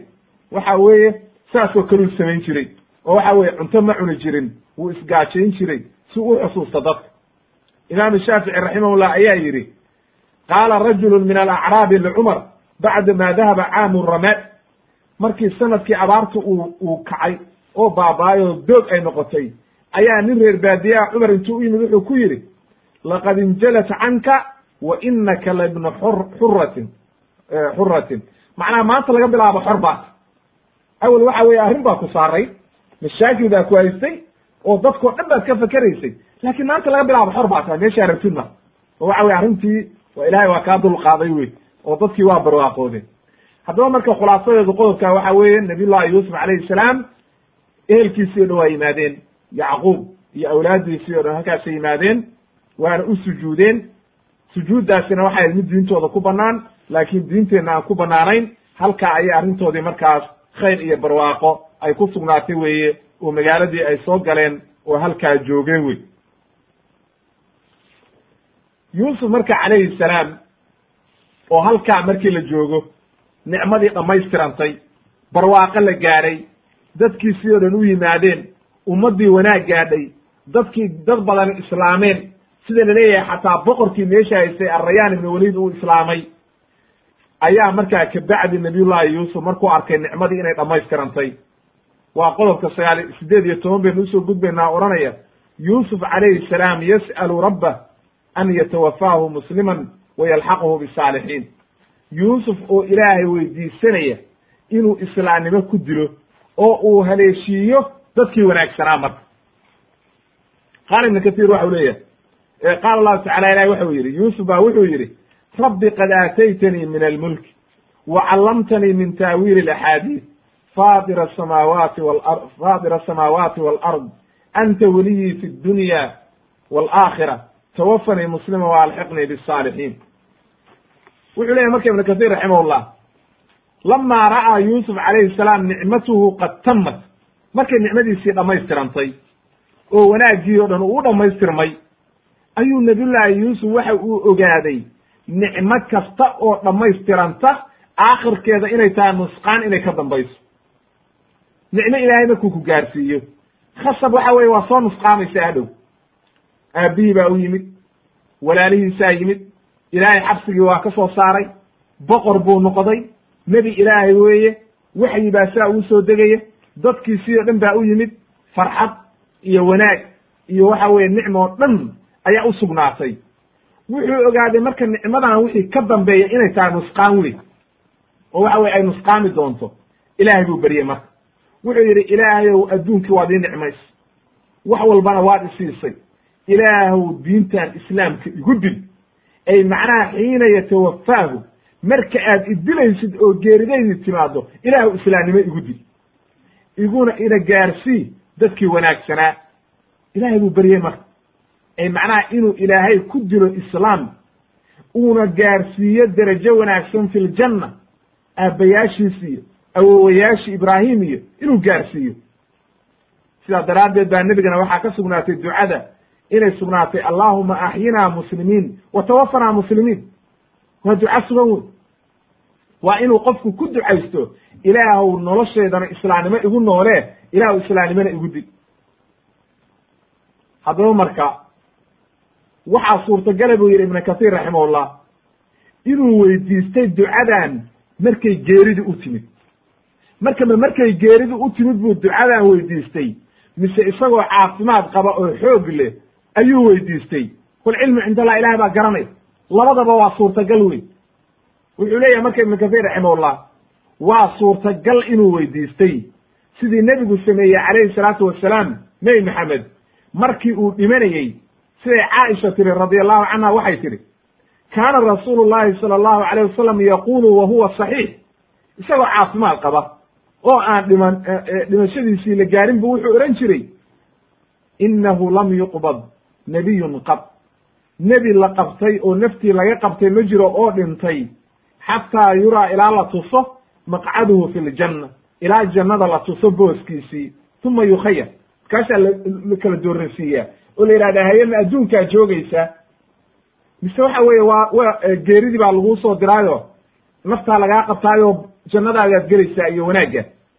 Qaalat waxay tihi caaisha marka falama nazla birasuuli llahi sala allahu alayh wasalam markii geeridii u timid oo xanuunkii isugu yimid wa ra'suhu calaa fakidii madaxiisana uu bawdadayda ay saaran tahay oo dhabtayda uu ku jiifo. Ayuu waxa weeye waa la miir do uu miir doorsoomay. Markaasuu waxa weeye soo baraarugay oo madaxa kor u soo qaaday. Markaasuu intuu kor eegay oo farta kor taago wuxuu yidhi allaahuma arafiiq alaclaa ilaahayo waxaan doortay kor iyo waxa weye ilaahay iyo waxa weeye jannada iyo wanaaggaan doorta caaisha markaase waxay tihi idan laa yakhtaaruna. Haddaba nama dooranayo annaga. Janno nin kala dooransiiyey. Jannaduu aadayaaye annaga nama dooranayo xadiiskaa marka xadiis saxiixa imaam albukhaari ayaa wariyey oo waa xadiis saxiixa wey iyo muslim iyo ayaa wariyey waa xadiis saxiixa marka halkaa maxaa inooga caddaatay? In uu qofku markay geeridu u timaado inuu baryi karo oo ilaahay odhanayo ilaahu igu dil waxa weye islaamnimada. Waxaa suurtagala buu yidhi sidoo kale isagoo xoog leh oo aan geeridu u imaanin oo caadiya inuu weydiistay. Oo waxa weeye taana waa suurtagal wey amaa fii shareecatina diinteenna waa la nahiyey oo nebigu waa inaga nahiyey oo inuu qofku geeri ilaahay ka baryo ilaa cinda alfitan markay fitnadu dhacdo mooye.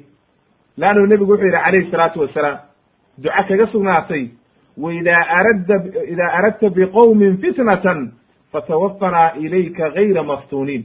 Ilaahay ow haddaad qoom doontid inaad imtixaantid oo fidno lagu rido ilaahay ow na oofso oo na dil inta aan nala fidnaynin oo waxa weeye gayra maftuuniin iyadoo aan nala fidnaynin xadiidkaana waxaa wariyey imaamu axmed iyo iyo tirmidi iyo waa xadiis saxiixa.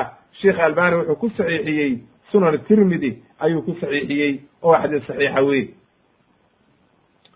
waxaa kaloo ka sugnaatay nebigu inuu yidhi calayhi salaatu wasalaam ducadu inuu ku yidhi xadiis kale ibni aadam almowtu khayrun laka min alfitna in lagu fidneeyo waxaa ka khayr badan geeridaa ka khayr badan waana xadiis saxiixa sida imaam axmed baa weriyey iyo keyrkiisba sheekh axmed shaakir waa saxiixiyey iyo waxa weeye maaragtay sheekh albani wuxuu ku saxiixiyey fi silsilati axaadiis saxiixa oo culamo badan baa saxiixisay oo waxa weeye sida maaragtay imaam alhaytami iyo ayaa saxiixiyey waa xadiis saxiixa. Marka waxa weeye inuu qofku fidnada ka hor ilaahay waa weydiisan karaa oo waxa weye hadduu fidno arko oo naftiisa iyo diintiisa markuu la baqo wey waa markuu diintiisa la baqo ayuu ilaahay weydiisanaya oo leeyahay ilaahu fidnadaan ha igu fidnayne ilaahu idil wey. Laakiin nebigu sidaa daraaddeed marka waxaa suurtagala nebiyullaahi maaragtay nebiyullaahi yuusuf inuu waxa weye ilaahay weydiistay isagoo waxa weye caafimaad qaba oo uu fidnadaa iyo dhibaatadaa iyo adduunka inuu isaga tegayeda siday maryam u timi oo kale yaa laytanii mitu qabla hada wa kuntu nasiya mansiya qofku markuu dhibaato ka baqo iyo fidno waa weydiisan karaa. Wuxuu marka ibnu kasiir soo guurinayaa caliy ibna abi aalib markay dhibaatadu dhacday oo khawaarijtii iyo dhibaatadii iyo khilaafkii iyo saxaabadii dhibaatada dhacday inuu ilaahay weydiistay fidnadii markuu arkay inuu ilaahay oofsado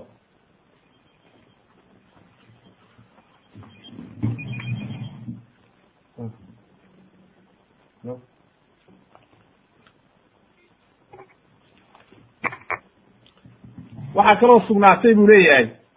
Oo waxa weeye ka sugnaatay imaamu albukhaari sidoo kale. Markii fidnadii dhacday inuu ilaahay weydiistay oo waxa weeye khalqi lqur'aan fidnadii bikhalqi lqur'aan markii lagu fidneeyey inuu ilaahay weydiistay ilaahay inuu oofsado oo markaa waxa weye uu ilaahay ka beryey inuu ilaahay oofsado.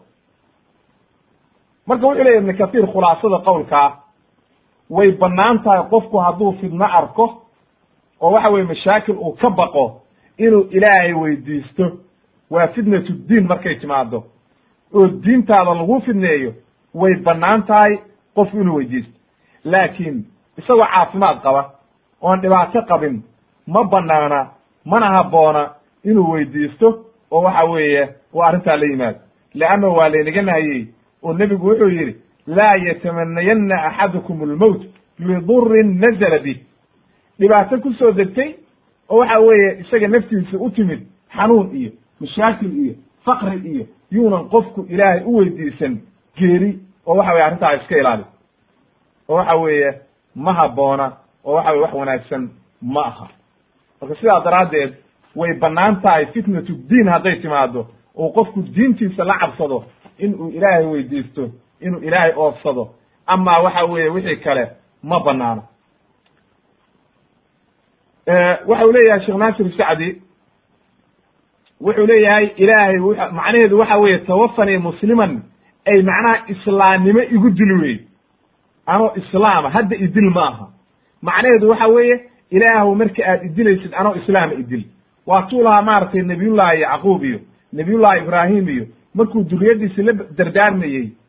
Walaa tamuutunna ilaa wa antum muslimuun marka waxa weye qofku waa inuu dhintaa isagoo islaama macnaheeduna waxa weeye islaamnimadii baad joogtaynaysaa ku dadaalaysaa wanaaggeedii la imaanaysaa ilaa markaa ay kuu timaado geeridii. Markay geeridii kuu timaado baa markaa adoo islaama aad ku dhimanaysa. Marka sidaa daraaddeed ayuu leeyahay nabiyullaahi yuusuf calayhi salaam rabbi qad aataytanii min almulki wa callamtanii min taawiili alaxaadiid faatira asamaawaati waalardi anta weliyii fi dunya waalaakhira tawafanii muslima ilaahu i oofso aniga oo muslima.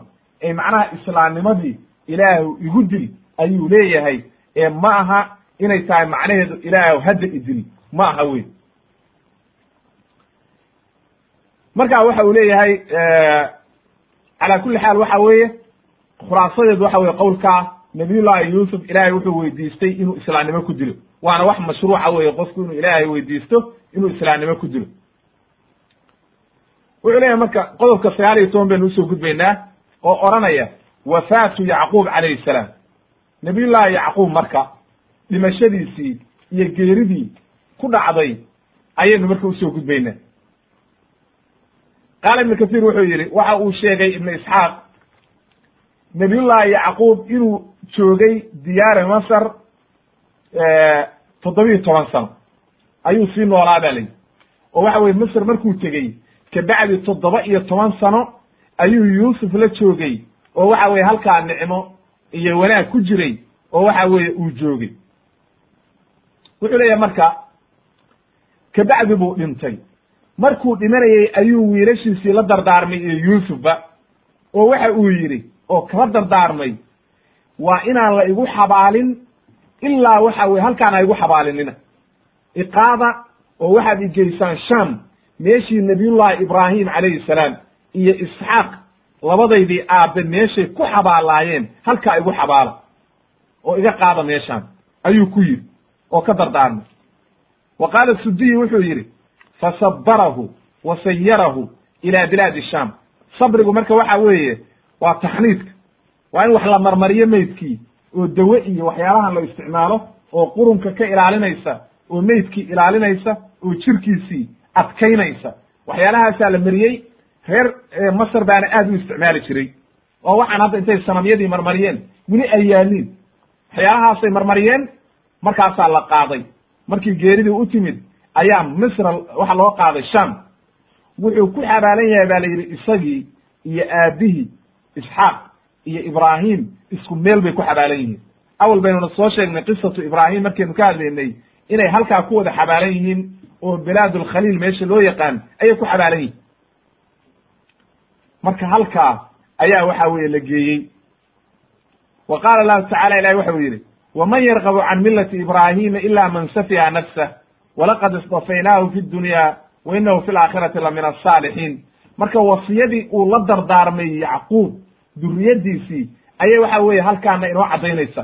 Waa dardaarmay oo duriyadiisii uu la dardaarmay aabihiina waa la nabiyullahi ibraahimna waa la dardaarmay id qaala lahu rabbuhu aslim qaala aslamtu lirabbi alcaalamiin macalshaahidku waxa weeye wawasaa biha ibraahimu baniihi wa yacquubu ya baniya nebiyullaahi ibraahim iyo nebiyullaahi yacquub labaduba waa la dardaarmeen duriyaddoodii oo maxay kula dardaarmeen nabiyullaahi yacquub waxa uu yidhi macnaha waxay kula dardaarmeen ina allaha astafaa lakum uddiina diin baa ilahay idii doortay falaa tamuutunna ilaa wa antum muslimuun.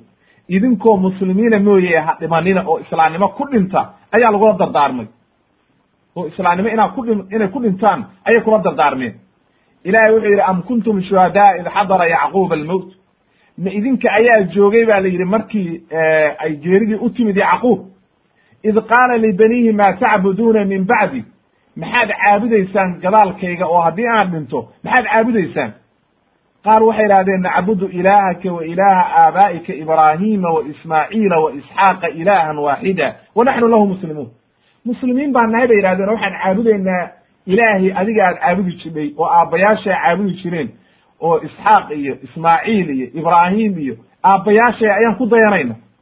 Muslimiin baanu nana ilahay wuxuu yidhi marka tilka ummatun qad khalat laha ma kasabat walakum ma kasabtum walaa tus'aluuna cama kaanuu yacmaluun mushrikiintii allah de waxa la yidhi ummadaha hore wixi ay kasbadeen bay leeyihiin. Idinkuna waxaa kasbateen baad leedi wuxuu leeyahy abubakr aljazairi raximahullah ilaahay aayadaha hore wuxuu inoogu caddeeyey mawqifkii ibraahim iyo wanaaggiisii iyo caqiidadiisii. Kabacdi markaasaa waxaa layna yidhi qof ka leexanaya oo nacaya ma jiro diintaa saxiixa. Ilaa qof halaagsamay mooye waa saxiix wey diintii nebi ibraahim waa diin saxiixay ahayd. Marka qof halaagsamay unbaa diintiisii ka leexanay kabacdina markaa waxaa layna tusay nabiyullahi ibraahim ilaahay inuu doortay. Kabacdina waxaa laynoo caddeeyey inuu nabiyullahi ibraahim duriyaddiisii uu kula dardaarmay inay diinta islaamka ku dhegaan. Nabiyullahi yacquubna saasuu ula dardaarmay duriyaddiisi oo waxa weeye u caddeeyey oo uu weydiiyey war maxaad caabudi doontaan?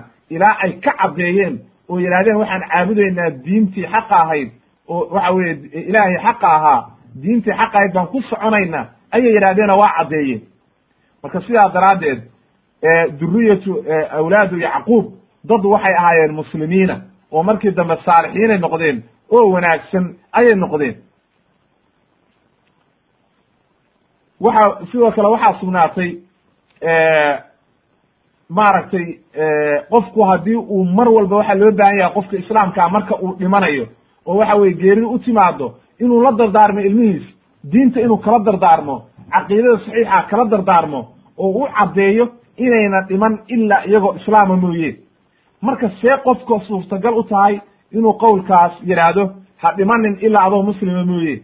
Macnaheedu waxa weeye bay yihahdeen culummadu sidii nebigu xadiis uu yidhi laa yamuutanna axadukum ilaa wa huwa yuxsinu danna billah. Adiga oo islaama oo waxa weeye wanaag maraysanaya oo diintii islaamka ku dhaqmaya dhimo oo geeridaa kuu timaado oo ku dadaal horta marka hore. Leanna sababtu waxa weeye yubcathu arajulu calaa maa maata calayh. Qofku wuxuu ku dhintaa lagu soo saara. Marka sidaa daraaddeed siduu nebigu u yidhi yubcathu kullu cabdin calaa maa maata calayh. Qof walba waxaa lagu soo saaraa wixi uu ku dhintay.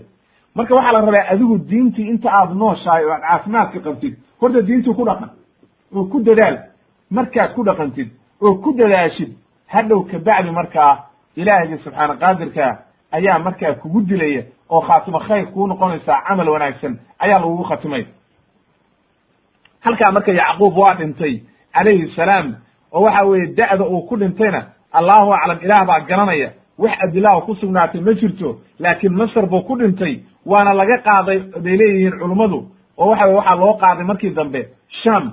Magaaladaasi la yidhaahdo hadda khaliil loo yaqaan ayuuna ku xabaalan yahay oo waxa weye halkaasuu ku xabaalan yahay oo kula xabaalan yahay aabayaashii ibraahim iyo isxaaq.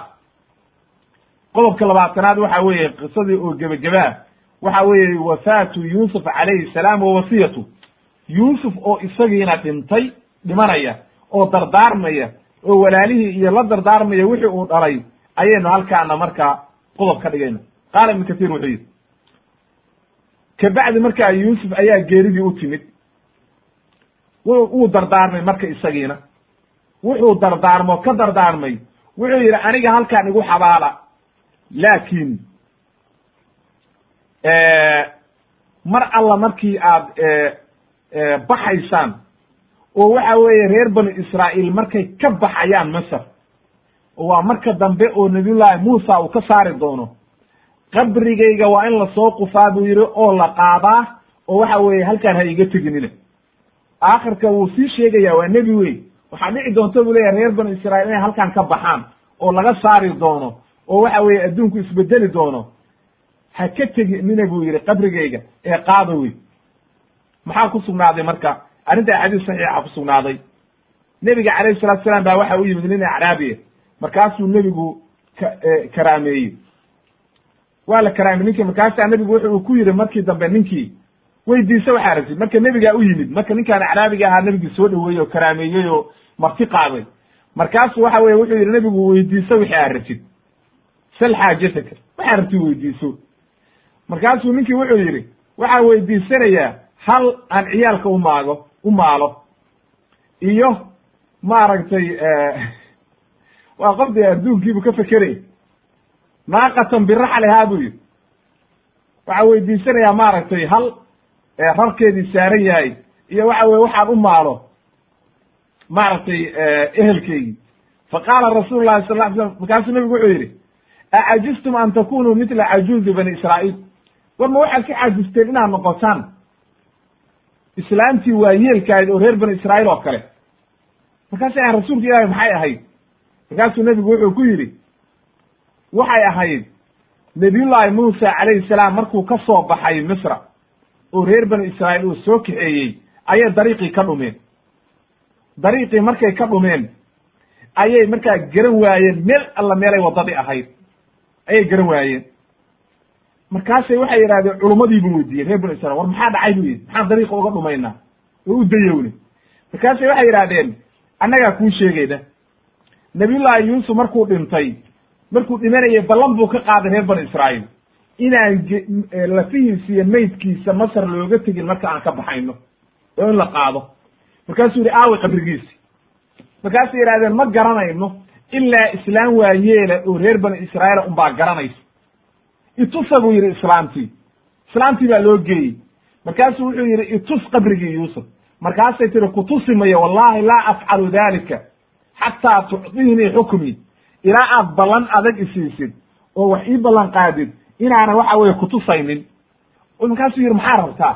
Markaasay tiri waxaan rabaa an akuna macaka fi ljanna jannada inaad meesha aad ka geshid aan ka galo oo aan jannada aakhiro markii la tago inaa ana jannada galo meesha adigu aad ka geshid oo rasuulka ululcazmiga ah oo rususha ugu sharaf badan inaad meesha uu tago anna aan tagaa raba markaasuu yaabay oo waxa weye muuse nabiyullahi muuse waa karaasaday inuu arrintaa ka yeelo.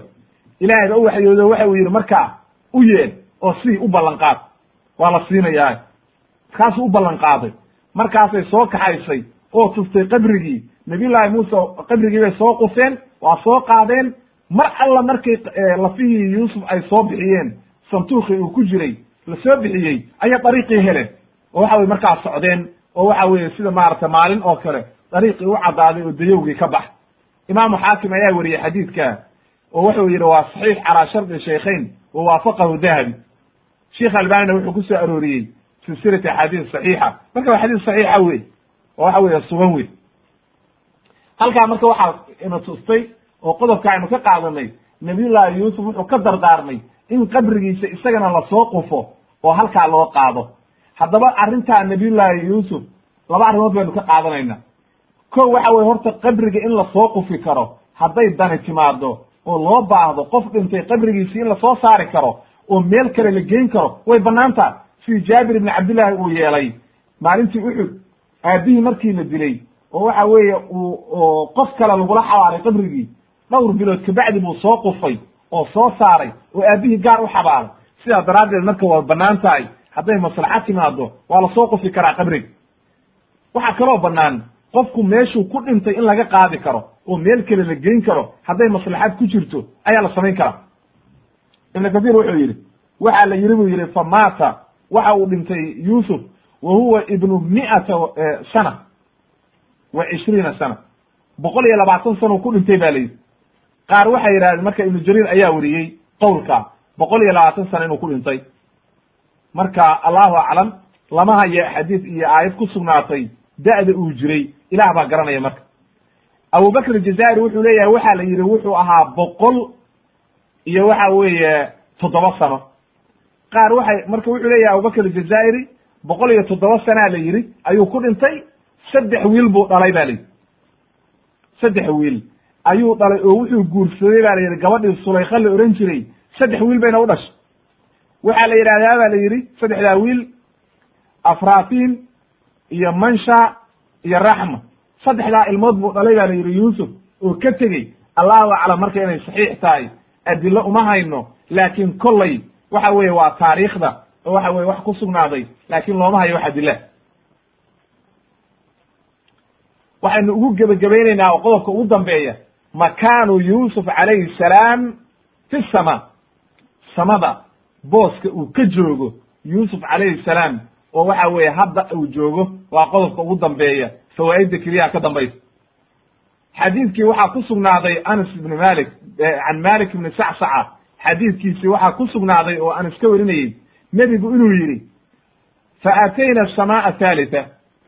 Samada saddexaad baan tegey habeenkii alisraa walmicraaj markaasaan samadii saddexaad waxaan ku arkay ma aragtay u tegey yuusuf calayhi salaam. Fa ataytu yuusufa fasallamtu faqaala marxaban bika soo dhowow min akhin wa nabiyin min akhin saalix wa nabiyin saalix marka xadiiskaana imam albukhaarigi ayaa weriyey waa xadiis saxiixa iyo maaragtay waa xadiis soo weriyey imaamu muslim marka waxay kutusaysaa nebiyullahi yuusuf sanada saddexaad ayaa nebigu kula kulmay oo ku arkay oo waxa weeye uu halkaas ayuu nebigu kula kulmay marka halkaa ayuu joogaa nabiyullahi yuusuf calayhi salaam oo nebigu ku soo arkay marxaladii marka labaad almarxalatu thalith almarxalatu thaniya thalitha waa marxaladii saddexaad wey oo ugu dambeysay qisatu yuusuf calayhi salaam halkaa ayay ku eg tahay sharaf iyo wanaag ilaahay u dhamaystiray kabacdina markii ugu dambeysay geeridiisii iyo wixii oo dhan iyo halkaasay ku eg tahay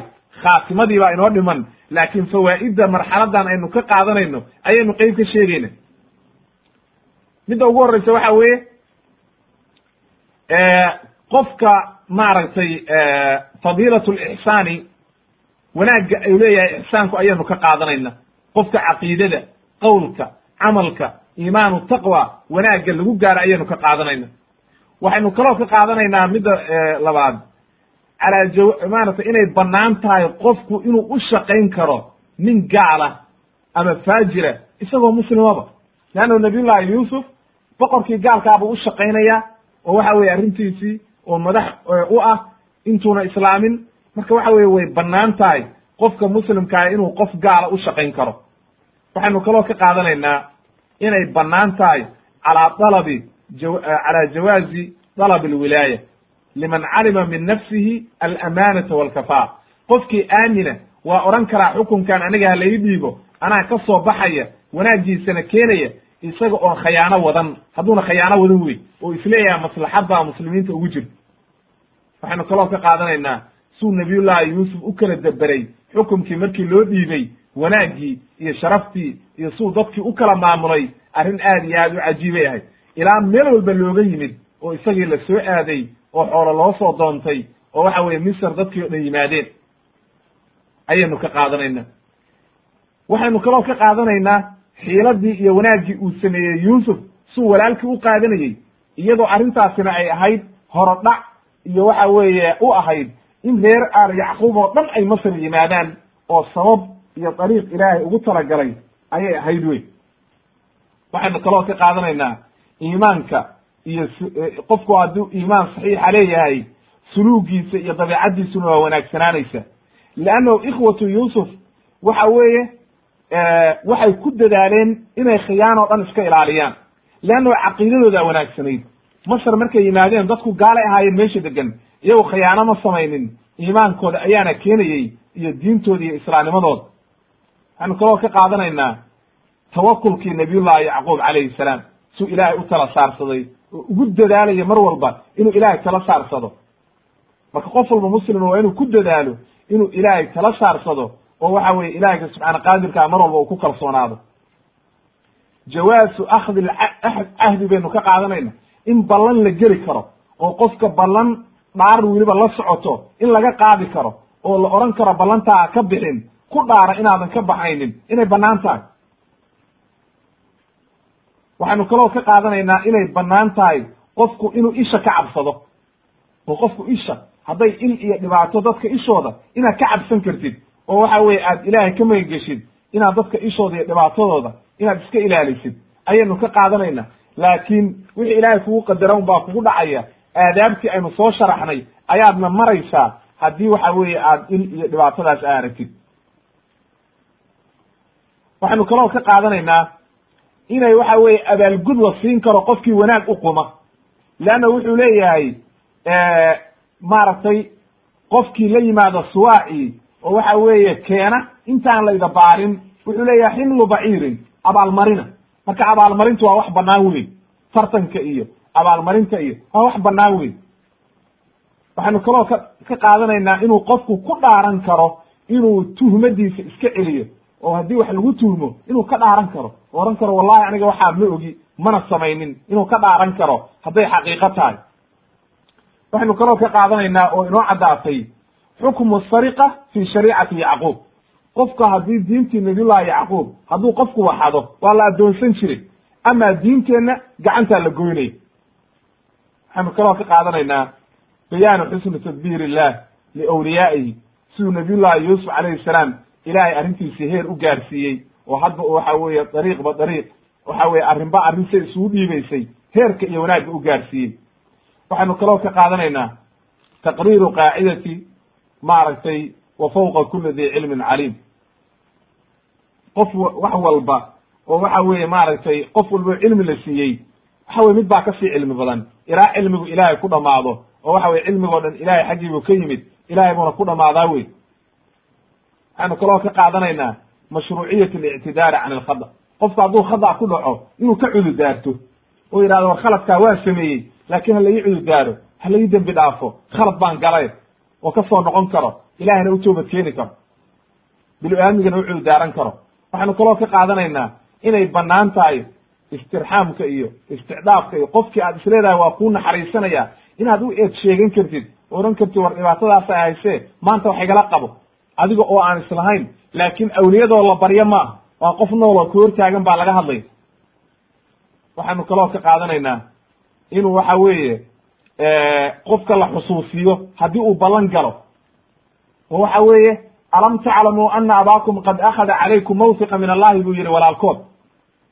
Marka qofku khalad ballantii uu galay in la xusuusiyo oo la yidhahdo miyaadan ogeyn ballantii aad gashay? See baad uga baxaysaa in la xusuusiyo inay bannaan tahay. Ayaynu ka qaadanayna waxaynu kaloo ka qaadanaynaa waa faa'idada labaatanaad mashruuciyatu nusx in la isku naseexeeyo oo waxa weeye wanaag la isugu naseexeeyo inay bannaan tahay.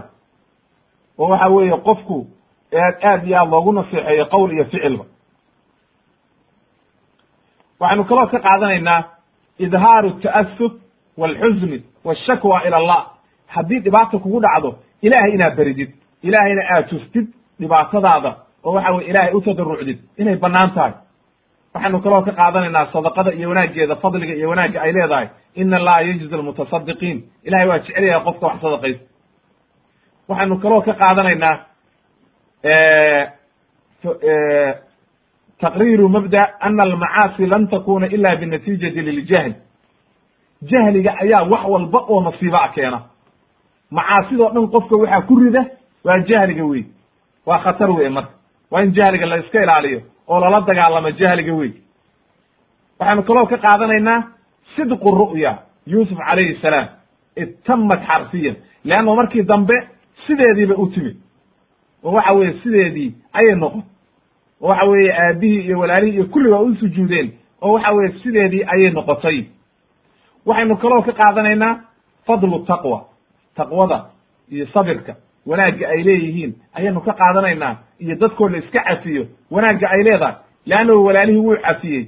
Waxna ma eedaynin wuu iska cafiyey walaalihii wanaaggaasay marka leedahay. Mucjisadii nebiyullaahi yuusuf baynu ka qaadanaynaa laba arrimood.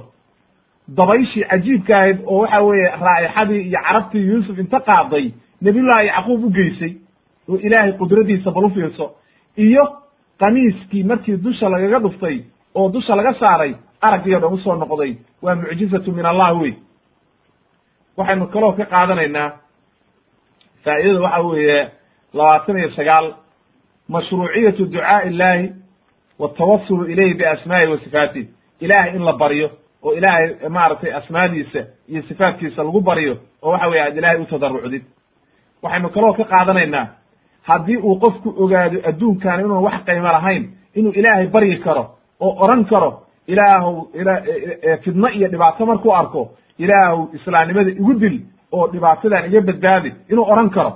Laakiin adoo islaamkii iyo takaaliiftiisii ka cararaya ma ah waa inaad ka cararaysaa fidnada iyo dhibaatada dhacday oo diintaada aada la fakanaysa wasiyadii inay bannaan tahay baynu ka qaadanaynaa oo waxa weye ilmahaaga iyo waxa weye awlaadaada iyo dadkaaga aad u dardaarantid diinta islaamka iyo xaq iyo wanaagga inay bannaan tahay ayaynu waxa weye ka qaadanayna waxaynu kaloo ka qaadanaynaa qofka muslimkaa yaxsunu lmar'u tarku lictizaazi bisharaf wa salaax almaadiin macnaha qofka muslimkaa waa inuunan ku faamin dadkii horay u tegey hadday dad xun ahaayeen.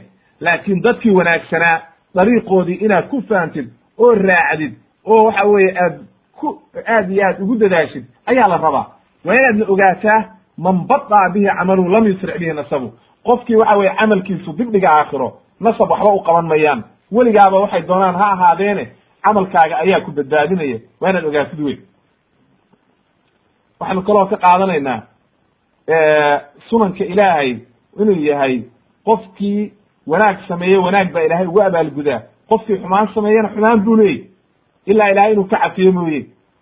Waxaanu kaloo ka qaadanaynaa aabbaha in lagu magacaabi karo awowayaashii iyo adeerka iyo in la odhan karo waa aabbahay inayna wax dhibaataa lahayn ayaanu ka qaadanayna. Waxaanu kaloo ka qaadanaynaa fadlu lqur'aan wama fiihi min alhuda waraxmati liman dalaba dalika minhu. Qur'aanka wanaagga iyo cibarka iyo fawaa'idda qasaskan ku jirta inay aad iyo aad u qiimo badan yihiin laakiin waa qofkii ku dadaalo wey wa akhiiran inta ayaa marka ku soo gebagabaynaynaa qeybtaa saddexaad oo marxalatu qisatu yuusuf calayhi salaam. Waxaa inoo dhiman marka khaatimatu lqisa oo aynu khatimi doono ayaa inoo dhiman insha allahu tabaaraka wa tacaala oo aan waxa weye qeybta dambe ka dhigi doonaa oo aan ku soo gebagabaynaynaa qisadoo dhan. Wasubxaanaka allahuma bixamdika ashhadu an laa ilaha illa anta astaqfiruka wa atuubu ilayk walxamdu lilahi rabi alcaalamiin